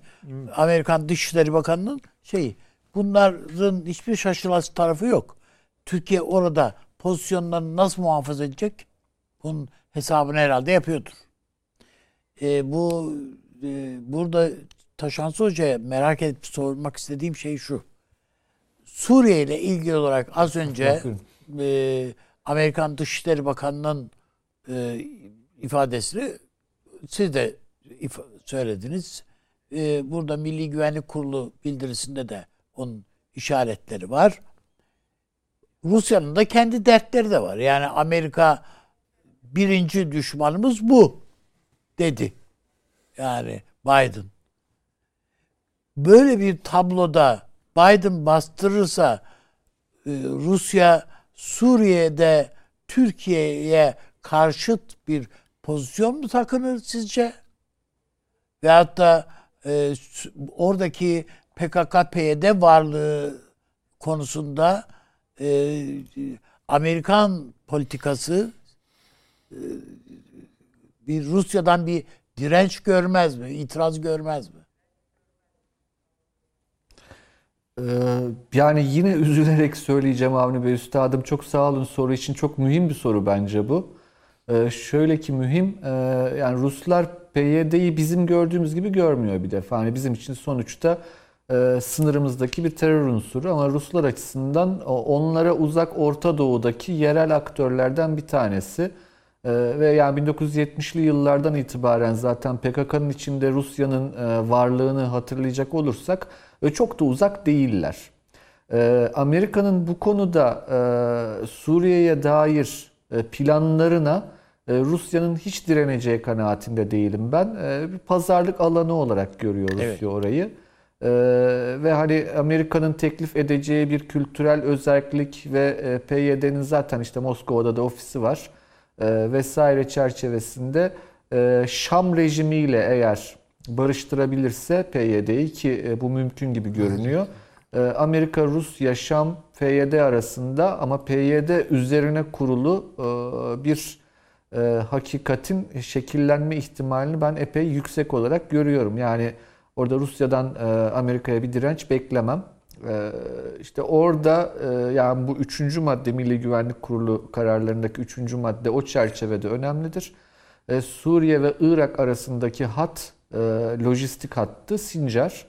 Ama İran ile Irak arasında bir de hat var. Oranın adı da Kandil. Ee, bu önemli. Birincisi bunu söylemiş olayım. Detaylarına girmek istemiyorum. Bunun uzun sürecektir. Ee, artı e, bir de Milli Savunma Bakanı'nın yaptığı bu Pakistan-Azerbaycan e, seyahatlerinden sonra üçlü görüşmeler Türkiye e, ve bu iki ülke arasında ve daha sonra yine Milli Savunma Bakanı'nın yaptığı Bağdat ve Erbil seyahatleri e, bu anlamda çok çok önemli bence. E, Suriye birazcık hani e, Amerikalıların e, bayrak gösterdiği bir yer ama Irak'ta e, yerel otorite BM tarafından kabul edilen Irak hükümeti, merkezi hükümeti ve aynı zamanda Erbil'le işbirliği halinde e, Türkiye'nin belirli adımlar e, atma imkanı vardır en azından. Ama Suriye için ben e, şu dönemde bir askeri operasyon imkanını diplomatik anlamda görmüyorum. Askeri süreçleri bilemem. Onları askerler bilir tabii ama diplomatik olarak sanki e, Irak'ın kuzeyinin hem batısı hem doğusunda yani Suriye-Irak hattı ve Irak-İran hattı iki önemli hat olarak ortaya çıkıyor diye düşünüyorum. E, orada da işte e, orada da Rusların da söyleyeceği, Amerikalıların da söyleyeceği pek bir şey kalmayabilir. Zannediyorum orada da en fazla itiraz İran tarafından gelecektir buna.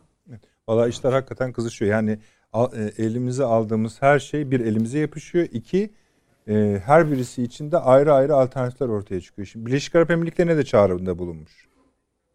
E o da Çık yani tabii diyor, canım ne? o öyle. Anladım. Anladığımız kadarıyla yani bölük pörçük bir şey bu. Ee, Birleşmiş Milletler Güvenlik Konseyi ön konuşmaları sırasında Amerika Birleşik Devletleri elçisi Richard Mills söylemiş. Çekilsinler diye. Evet yani söylediği ifadede işte bahsettim. Immediately diyor. Neyse. Evet. Siz bir şey söyleyeceksiniz. Yani yok katılıyorum bunlara. Yani. Yani, Yani mi mu- mutlaka böyledir. Şöyle e, yani Taşansı Hoca'nın şey yaptığı Doğru. e, muhtemelen hepimiz katılırız. Yani Türkiye'nin Almanya'yla, İtalya'yla, İspanya'yla kuracağı ilişkiler, bağlantılar e, onların ne siya- yani Fransa'yla değil herhalde zaten. Yani onların bu konudaki tavırlarıyla birlikte eğer bir siyaset geliştirebilirse Ankara o başka bir şeydir.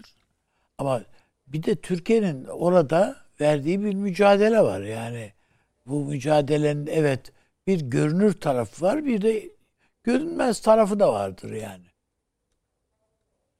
Yani istihbarat anlamında bir görünmezliği de var canım. Bence Amerika Birleşik Devletleri bunları sıralı yapıyor. Yani çalışılmış bir şey gibi geliyor bana. Yani. Hani böyle geldik hadi dala yani bir yandan şöyle bir sakillik ve kaba siz dediniz ya kaba bir duruş var. Hani böyle hani kabadan terbiyesizlik anlamı değil. Kabaca meseleleri anlayabiliyorlar. Bu kadar iş varken Yani işte, Ermenistan'ın hakları Ermenistan mağdur edildi. Hakları e, elinden alındı derken Amerika'nın Dışişleri Bakanlığı'na gelmiş gelme, gelmiş artık diyelim bir adamın Ermenistan'da ne olduğu ve Azerbaycan'da ne olduğundan habersiz olduğu düşünülebilir mi? İlk defa mı öğreniyor yani? Aa, meğersem bu işgal etmiş Ermenistan boruları diye. Burada Birleşmiş Milletler kararları var diye falan. Yeni öğrendiği söylenebilir mi bunu? Hayır. Bunların hepsini bilerek söylüyor adam. Aynı şey Yunanistan'ın güvenliği ile ilgili söylediği şeyler. Bütün tezlerini destekliyoruz ne demek? Yani onun için yani öbür tarafta sen diyorsun ki işte NATO'nun ikinci büyük ordusu, Türkiye, müttefik, şu bu filan ki zaten kendisi sözde müttefik diyerek Türkiye'yi tavzif etti. Dolayısıyla yani ben önümüzdeki dönemin öyle çok hayır ha evet müzakere edilecektir tabii bir şeyler anlatılmaya çalışılacaktır yani herhalde hiç öyle e, kapıyı kapatacak kapatıp çıkacak halimiz yok. Mutlaka meramımızı anlatmaya gayret edecekizdir. Ama ortaya e, öyle çıtayı yüksekte tutan ve dolayısıyla yani e, pazarlıkla veya müzakereyle e, olumlu bir çizgiye hani 100 kaybedecekseniz işte kayıp sayısını e, oranını azaltarak belki bir noktaya çekmeye imkan olabileceğini zannetmiyorum. Yine eninde sonunda kaybedeceksiniz yani. Peki. Süleyman Hocam Buyurun. burada belki biraz Amerika-Rusya ilişkilerini konuşmak. Ha ama işin ucunda silahı gösteriyorsanız zaten o zaman hesap başka türlü yapılıyor. Biraz ona özen göstereceğiz, göstermemiz gerekiyor galiba. Çünkü bu şöyle bir şey. Bütün o konuşmalara rağmen ki uzun uzun tekrar aynısını yapabiliriz. Yani neden Rusya Amerika, neden Rusya Çin, neden ABD için ilişkileri farklı ele alınmalı konusunda konuşabiliriz. Ama şimdi bu pratikte ilk teması da dahil olmak üzere yani son yaptıkları telefon görüşmesi dahil bölgeye yönelik olarak aslında e, Amerika ve Rusya'nın daha yakın bir davranış sergilediklerini söyleyebilir misiniz?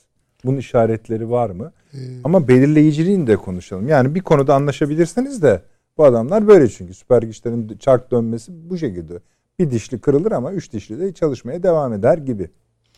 Ee, Suriye söz konusuysa e, ben o kanaatim benim bir hayli güçlü. Suriye başta evet. Yani e, özellikle bu PKK devletçiyi neyse yapısı ne olacak onu bilmiyorum ama bunu oluşturma konusunda e, Rusya ile Amerika Birleşik Devletleri'nin birbirine çok yakın bir konuma düşmüş olduklarını söyleyebilirim.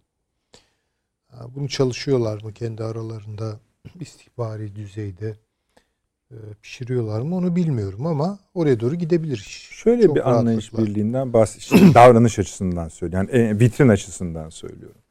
Amerika'da herhangi birisi başkan dahil Amerikan yönetiminden herhangi birisi şu anda Rusya ile bizim aramız çok çok iyi kucaklaşıyoruz şeklinde bir e, görüntüyü kendi iç politikasına yediremez. Çünkü Amerika'daki hava o hava o hava değil.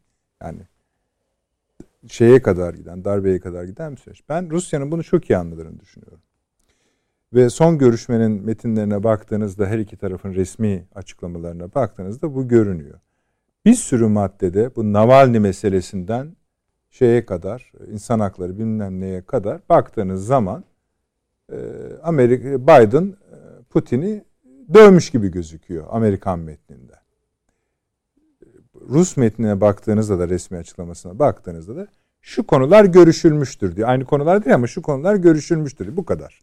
Yani herhangi bir şey söylemiyor. Hatta hatta ben bilmiyorum belki Taşan Hoca takip etmiştir ama ben rastlamadım. Kimin aradığı yok metinlerde. Yani kim kimi aradı belli değil.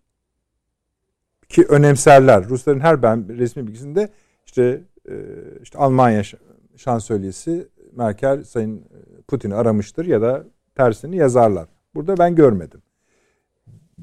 Bu aslında her iki tarafında bir noktada yumuşama, buluşma eğilimini mi ifade ediyor? Yok canım, öyle bir şey yok. Bir kere yani bakın bunun bir anlaşmaya ve beraber bir iş kotarmaya doğru gittiğini söylemiyorum ben. Suriye'deki PKK meselesinin. Çünkü Rusya'nın son tahlilde, nihai tahlilde daha federatif bir Suriye'yi kabul etme temayülü var. Amerika Birleşik Devletleri'nde var. Tabii. Lavrov'un Ama- da açıklaması var. Tabii ama şöyle bir durum çıkıyor ortaya. Ruslar bu işi PKK ile rejimi birleştirmeye dönük, yakınlaştırmaya dönük yorumluyorlar. Oysa Amerika Birleşik Devletleri'nin açıklamalarında Esad faktörü toptan reddediliyor. Şimdi bakalım buraya Hmm. yani. Şimdi bunda anlaşabilirler mi? Vallahi onu bilmiyorum. Yani bu biraz zor gözüküyor, biraz çetin gözüküyor. Anlaşmaları zor. E şimdi genel manada böyle bir anlaşma zemini, yumuşama zemini, görüşme zemini var mı Rusya ile Amerika Birleşik Devletleri arasında? Varsa bile bu giderek azalacak, seyrilecek onu söyleyebilirim. Çünkü Amerika Birleşik Devletleri'nin Rusya'yı mahkum etme siyasetleri ağırlık taşıyor. Bunu görüyoruz. Yani ya bunu yap veya seni işte bu dünyanın lanetler kulübüne sokuyorum veya seni orada görüyorum. Dünya kamuoyunda bu açıdan harekete geçirmek. En azından Putin'i. Tabii, tabii canım Putinli bir Rusya'yı zaten Putinsiz bir Rusya nasıl olur ben bunu çok merak ediyorum. Yani şimdi Evet. yani Rusya'yı ne bir araya getirecek?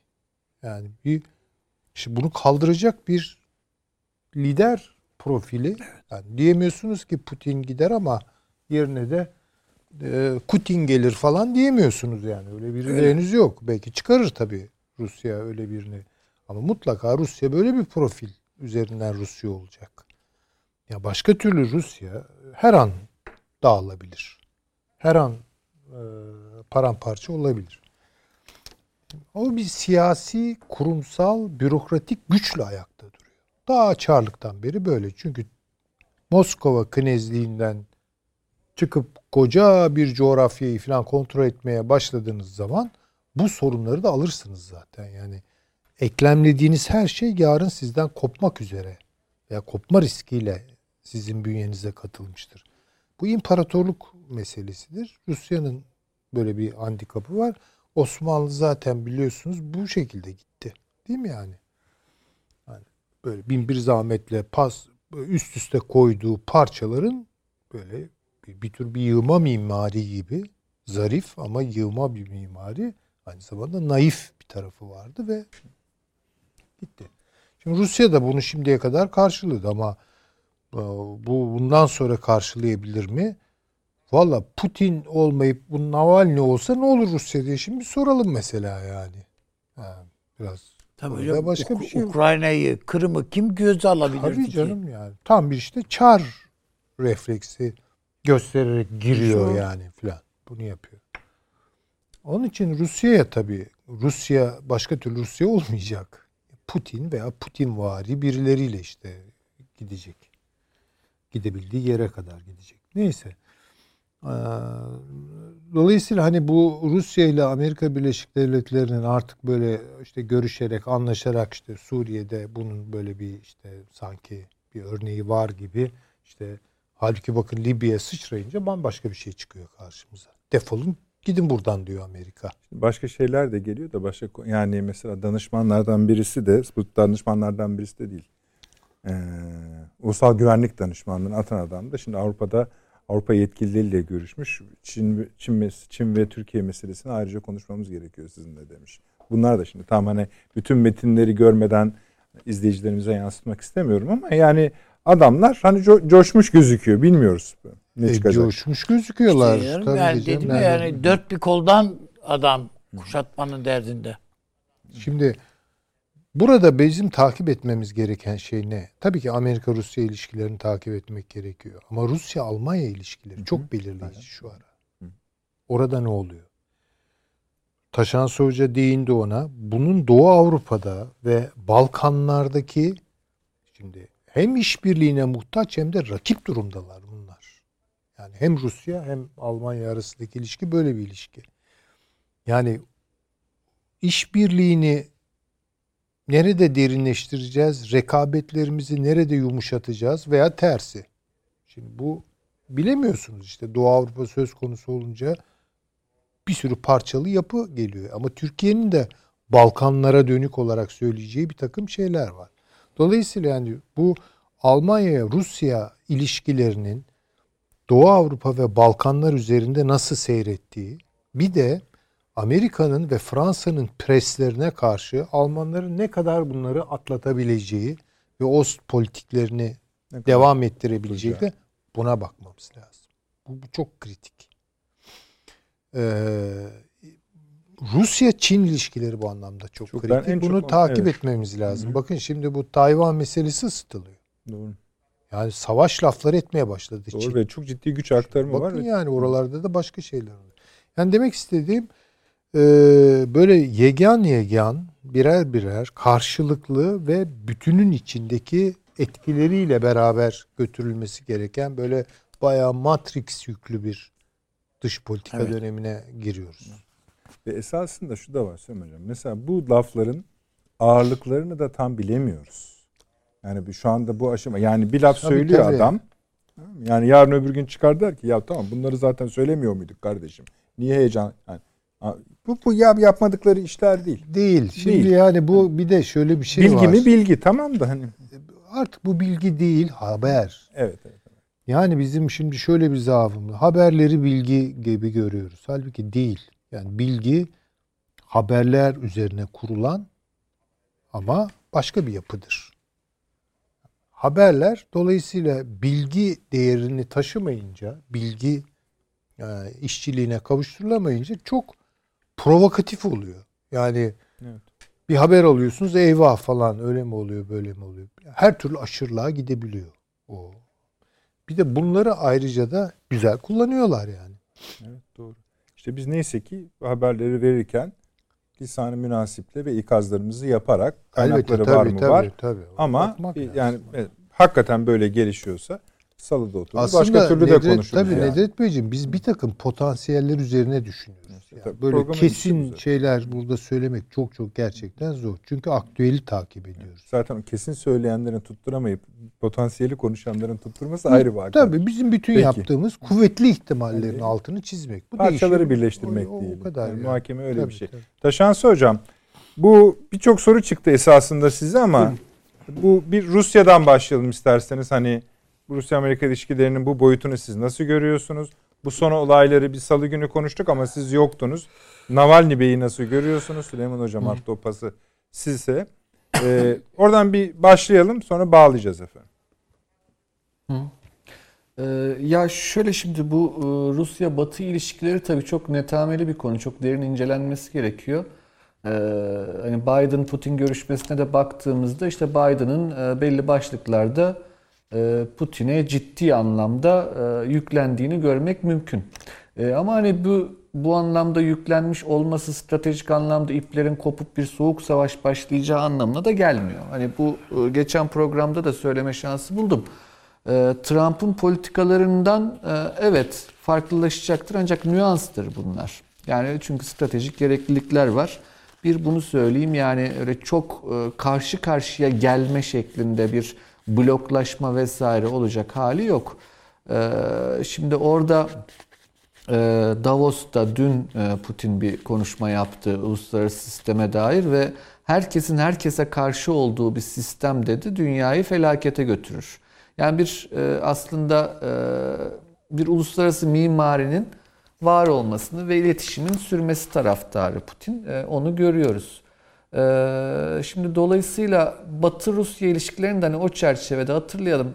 Bir de hani şöyle tarih, siyasi tarih biliyorsunuz şeyin siyaset biliminin ya da uluslararası ilişkilerin laboratuvarıdır. Şöyle sorayım size Birinci Dünya Harbi'nde İngilizlerle Ruslar birbirlerine bayılıyorlar mıydı acaba da müttefiklerdi? Yok bir sürü çıkar çatışmaları vardı.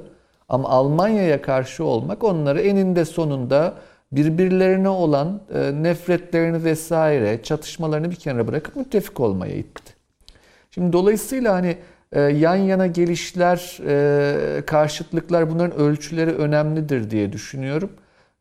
Almanya şu an bir siyasi inisiyatif alabilecek güçte değil. Ancak buna rağmen Amerika-Fransa hattını bir şekilde kendi çıkarları çerçevesinde yumuşatmaya çalışıyor. O anlamda hani Türkiye'ye de bir şekilde önem atfettiği aşikar.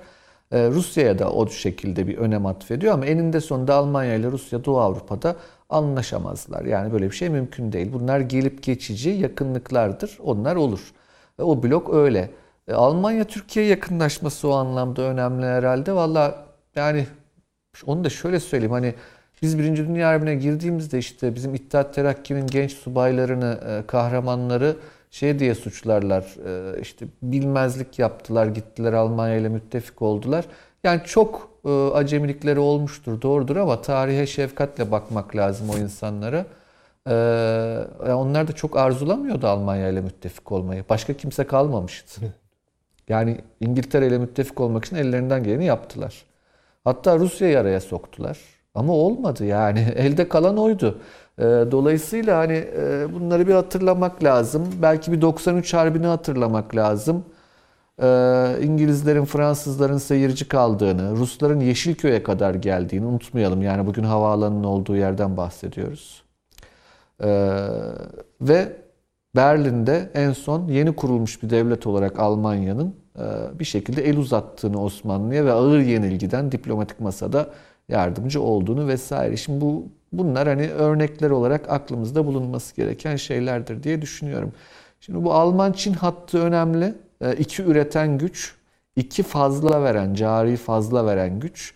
Bunların ilişkileri önemlidir bence. O anlamda e, e, Rusya coğrafyası, Türkistan coğrafyası ve Güneyde Arap coğrafyası ve deniz tabii ki önemli. Kızıldeniz, Basra, Hint Okyanusu. E, oralar e, pek çok şeyi aslında belirler diye düşünüyorum. Balkanlara da o çerçevede bakmak lazım ama sanki dediğim gibi tarih tekerrür etmiyor ama Yunanistan'ın arkasına e, eklemlenmiş bir Amerika ve Fransa'yı görüyoruz bugün. İşte İngiltere ve Fransa'ydı vakti zamanında Yunanistan'ın arkasında. Bizim biliyorsunuz yani Yunan isyanına direnen Kavalalı Mehmet Ali Paşa'ydı. Yani Mısır Hidivi'ydi Osmanlı'ya bağlı olarak. Demek ki Türkiye-Mısır ilişkileri her zaman önemli. Ee, Türkiye ile Arap Yarımadası, Suudi Arabistan, Birleşik Arap Emirlikleri ilişkileri önemli. Türkiye-İsrail ilişkileri önemli. Ee, Türkiye-İran ilişkileri önemli. Ee, yani pek çok aslında tedirginlik hisseden e, ülkeler e, kendi aralarında da birbirlerine karşı tedirginlik olmakla beraber diplomasi de böyle bir şey zaten. Yani sarılıp kucaklaşıp beraber aynı eve çıkmıyorsunuz. Ee, yan yana çıkarlarınızı savunmak zorundasınız belli alanlarda Türkiye açısından öyle. Bu Navalny'yi sordunuz. Ee, Navalny hakikaten ilginç yani e, bir Boris Nemtsov vardı hatırlayacaktır sayın seyirciler de. Valilik vesaire yapmış bürokrasiden gelen ciddi bir muhalif aday da öldürüldü. e, Moskova'da. Benim de çok eskiden arkadaşım sonra Ksenia Sobchak e, Putin'e karşı aday oldu. Ksenia'nın babası da e, şeydir işte Putin'in patronu. St. Petersburg Belediye Başkanıydı Putin Belediye Başkan Yardımcısıyken. O yüzden Ksenia'nın bir dokunulmazlığı vardır Rusya'da. Şımarır, eder vesaire. Gerçi o da artık bayağıca bir yaşlandı artık o kadar şımarmıyor eskisi kadar ama e, şimdi bunlar hep liberal ama bir şekilde e, bir ciddiyeti de olabilecek olan isimlerdi ama Navalny öyle değil. Navalny yani e, karanlık bazı tarafları var Navalny'nin. Yani Rus devletinin hangi kesimleriyle nerede temas etti, nerede karşıtlaştı, ee, bu bayağı bir karanlık bir karakter. Siyasi duruş olarak liberal değil, demokrat değil. Hem Nemtsov hem Ksenia Sobçak ikisi de şeydir, liberaldir, demokrattır. E, Navalny gayet şey, e, milliyetçidir bir defa. Rus, iyi Rus milliyetçisidir. Hatta ırkçılık düzeyinde. E, mesela işte yabancı işçilere, Müslüman işçilere tarakan dedi. Şey hamam böceği dedi. Bunları kovacağız Moskova'dan dedi. Ee, yani bu ırkçılar bayağı bir destek oluyorlar zaten kendisine. Yani e, böyle zannedildiği gibi işte batıcı, demokrat, liberal vesaire değil. Ama ona rağmen Batı tabii ki destekliyor. Ee, niye? Sokağa çıkan herkesi Batı destekliyor çünkü Rusya'da. Ee, orada komik bir şey söyleyeyim. Bu daha önce de söylemiştim. Bu William Burns'ten sonra geldi. Michael McFaul. E, şimdi Stanford Üniversitesi'nde profesör. William Burns ne kadar başarılı bir büyükelçiydiyse Moskova'da ben çok iyi hatırlıyorum onun sürecini. McFaul da o derece başarısız bir büyükelçiydi. Ee, şimdi şey yazmış bu. E, Free Navalny'ye yazmış. Yani Türkçe'ye çevirecek olursak şöyle söyleyeyim. Kiril alfabesiyle e, işte Free Naval Navalny falan gibi. Yani yanlış bir Rusça. E, bir de Rusça bildiğini zannediyor McFaul. Tabi Ruslar acayip makaraya aldılar onu. Ee, yani sen Rusça bilmiyorsun ama niye Rusça biliyor gibi davranıyorsun? Amerikalılar inanıyor mu gerçekten buna vesaire diye. Öyle bir komik anı bence bu e, Michael McFaul'un e, şeyi agresif tavırları. Diğeri de bir genç biliyorsunuz 8-10 e, tane OMON polisine, özel kuvvet polisi bunlar. Tekme tokat daldı bu gösterilerde. Çok o da önemli bir olay oldu. Kimdir bu çocuk, şudur budur falan. Ben çocuğun yüzünü görür görmez dedim bu inguş kesin. Yanılmışım ama yanılgı sayılmaz. Çeçen çıktı. Yani işte 10 tane şey kasklı polisi dövüyor vesaire çocuk. O da ilginç bir şeydir. Çünkü hani Rusya'da gerçekten bu biliyorsunuz İnguşlar ve Çeçenler bir de Kistler bir grubu oluşturur. Etnik grubu. Vaynah denir onlara. Ee, Çeçenler kendine Nohçi der. İnguşlar Galgay der. E, endogamiktir üçü de e, ama yani egzogami olacaksa da birbirlerinden kız alırlar yine. Çerkez değildir bunlar. Malum Çerkezler Adigeler. Onlar 12 kabilesi vardır. Apaz değiller. Orta Kuzey e, Kafkasya. E, ilginçtir gerçekten yani tavırları, halleri onların Rusya'da. E, şey e, bu tabii ciddi bir olay oldu. E, çünkü ırkçıların da destek verdiği olayda Çeçen gencinin ne işi var? Ama işte Rusya'da öyle karışık bir yer. E, derdi olan e, sokakta bir eylem varsa hadi ben de katılayım diyebiliyor demek ki ama bu işten bir şey çıkar mı Navalny'den? Hı. Mesela öyle zannedildiği gibi Rusya devrime falan mı gidiyor? Yok, öyle bir şey. Ama bir şey var. O bir şey ne? Bir rahatsızlık var. Ama bu uzun zamandan beri var. Yani 2011 yılında da çok büyük gösteriler oldu ki bu olanlardan çok çok daha büyüktü o dönemki gösteriler. Ee, ve daha Amerika'nın desteklediğini düşünüyor musunuz dayanan, Taşansı Hocam? Daha örgütlüydü. Ee, yani e, ne bileyim yani bu kadar sakar olur mu Amerikalılar bilmiyorum. Yani çünkü yani bir şey çıkacak bir şey değil Resmi açıklamaları orta belli. Amerikan elçiliğinin yaptığı açıklamalar var. Olaylar sırasında. Ay yaparlar canım onu yani. Peki. Hani kendisi şöyle söyleyeyim. Ee, olan bir şey varsa tabii arkasında durur ama kendisi özel çaba sarf etmiştir Peki. diye düşünmüyorum işin Peki açıkçası. hocam. Bu Rusya'nın kendi dinamiğinde var. Ee, durum böyle. Peki çok Almanya teşekkür ederim. Almanya bağlantısı var. Nasıl? Almanya bağlantısı e, var. tabii var. Yani oradan Esas, da geldiğinden tabii. hareketle söylüyorsunuz. Almanya evet. Evet. Peki. Efendim eğer uykusuz kalırsanız, uykunuz kaçarsa 01.30'da tekrarımız var. Ee, diyebilirim ki yani çok yoğun ilgi gösterdiniz. Eksik olmayın. Sosyal medyadan gelen mesajlarınız hepsini tek tek okuyacağız. Hala da gelmeye devam ediyor. Ee, yani biz de biliyoruz hakikaten ilginç bir konjonktür, ilginç bir zamanlama. Türk-Amerikan ilişkileri, bölge denklemleri. Evet öyle. Yani sadece bir ülkeyi, iki ülkeyi, üç ülkeyi bir arada alsak bile bambaşka bir tablo ortaya çıkıyor. Bu konu daha çok su kalacak. Belli çok da konuşacağız. Ee, haftaya salı günü saat 21'de her zamanki saatimizde inşallah yine huzurlarınızda olacağız. Avni abi çok teşekkür ediyorum. Teşekkürler, Ağzına sağ sağlık. Taşans hocam Ankara'ya her zamanki gibi çok selamlar. Çok teşekkür ediyoruz. İyi geceler.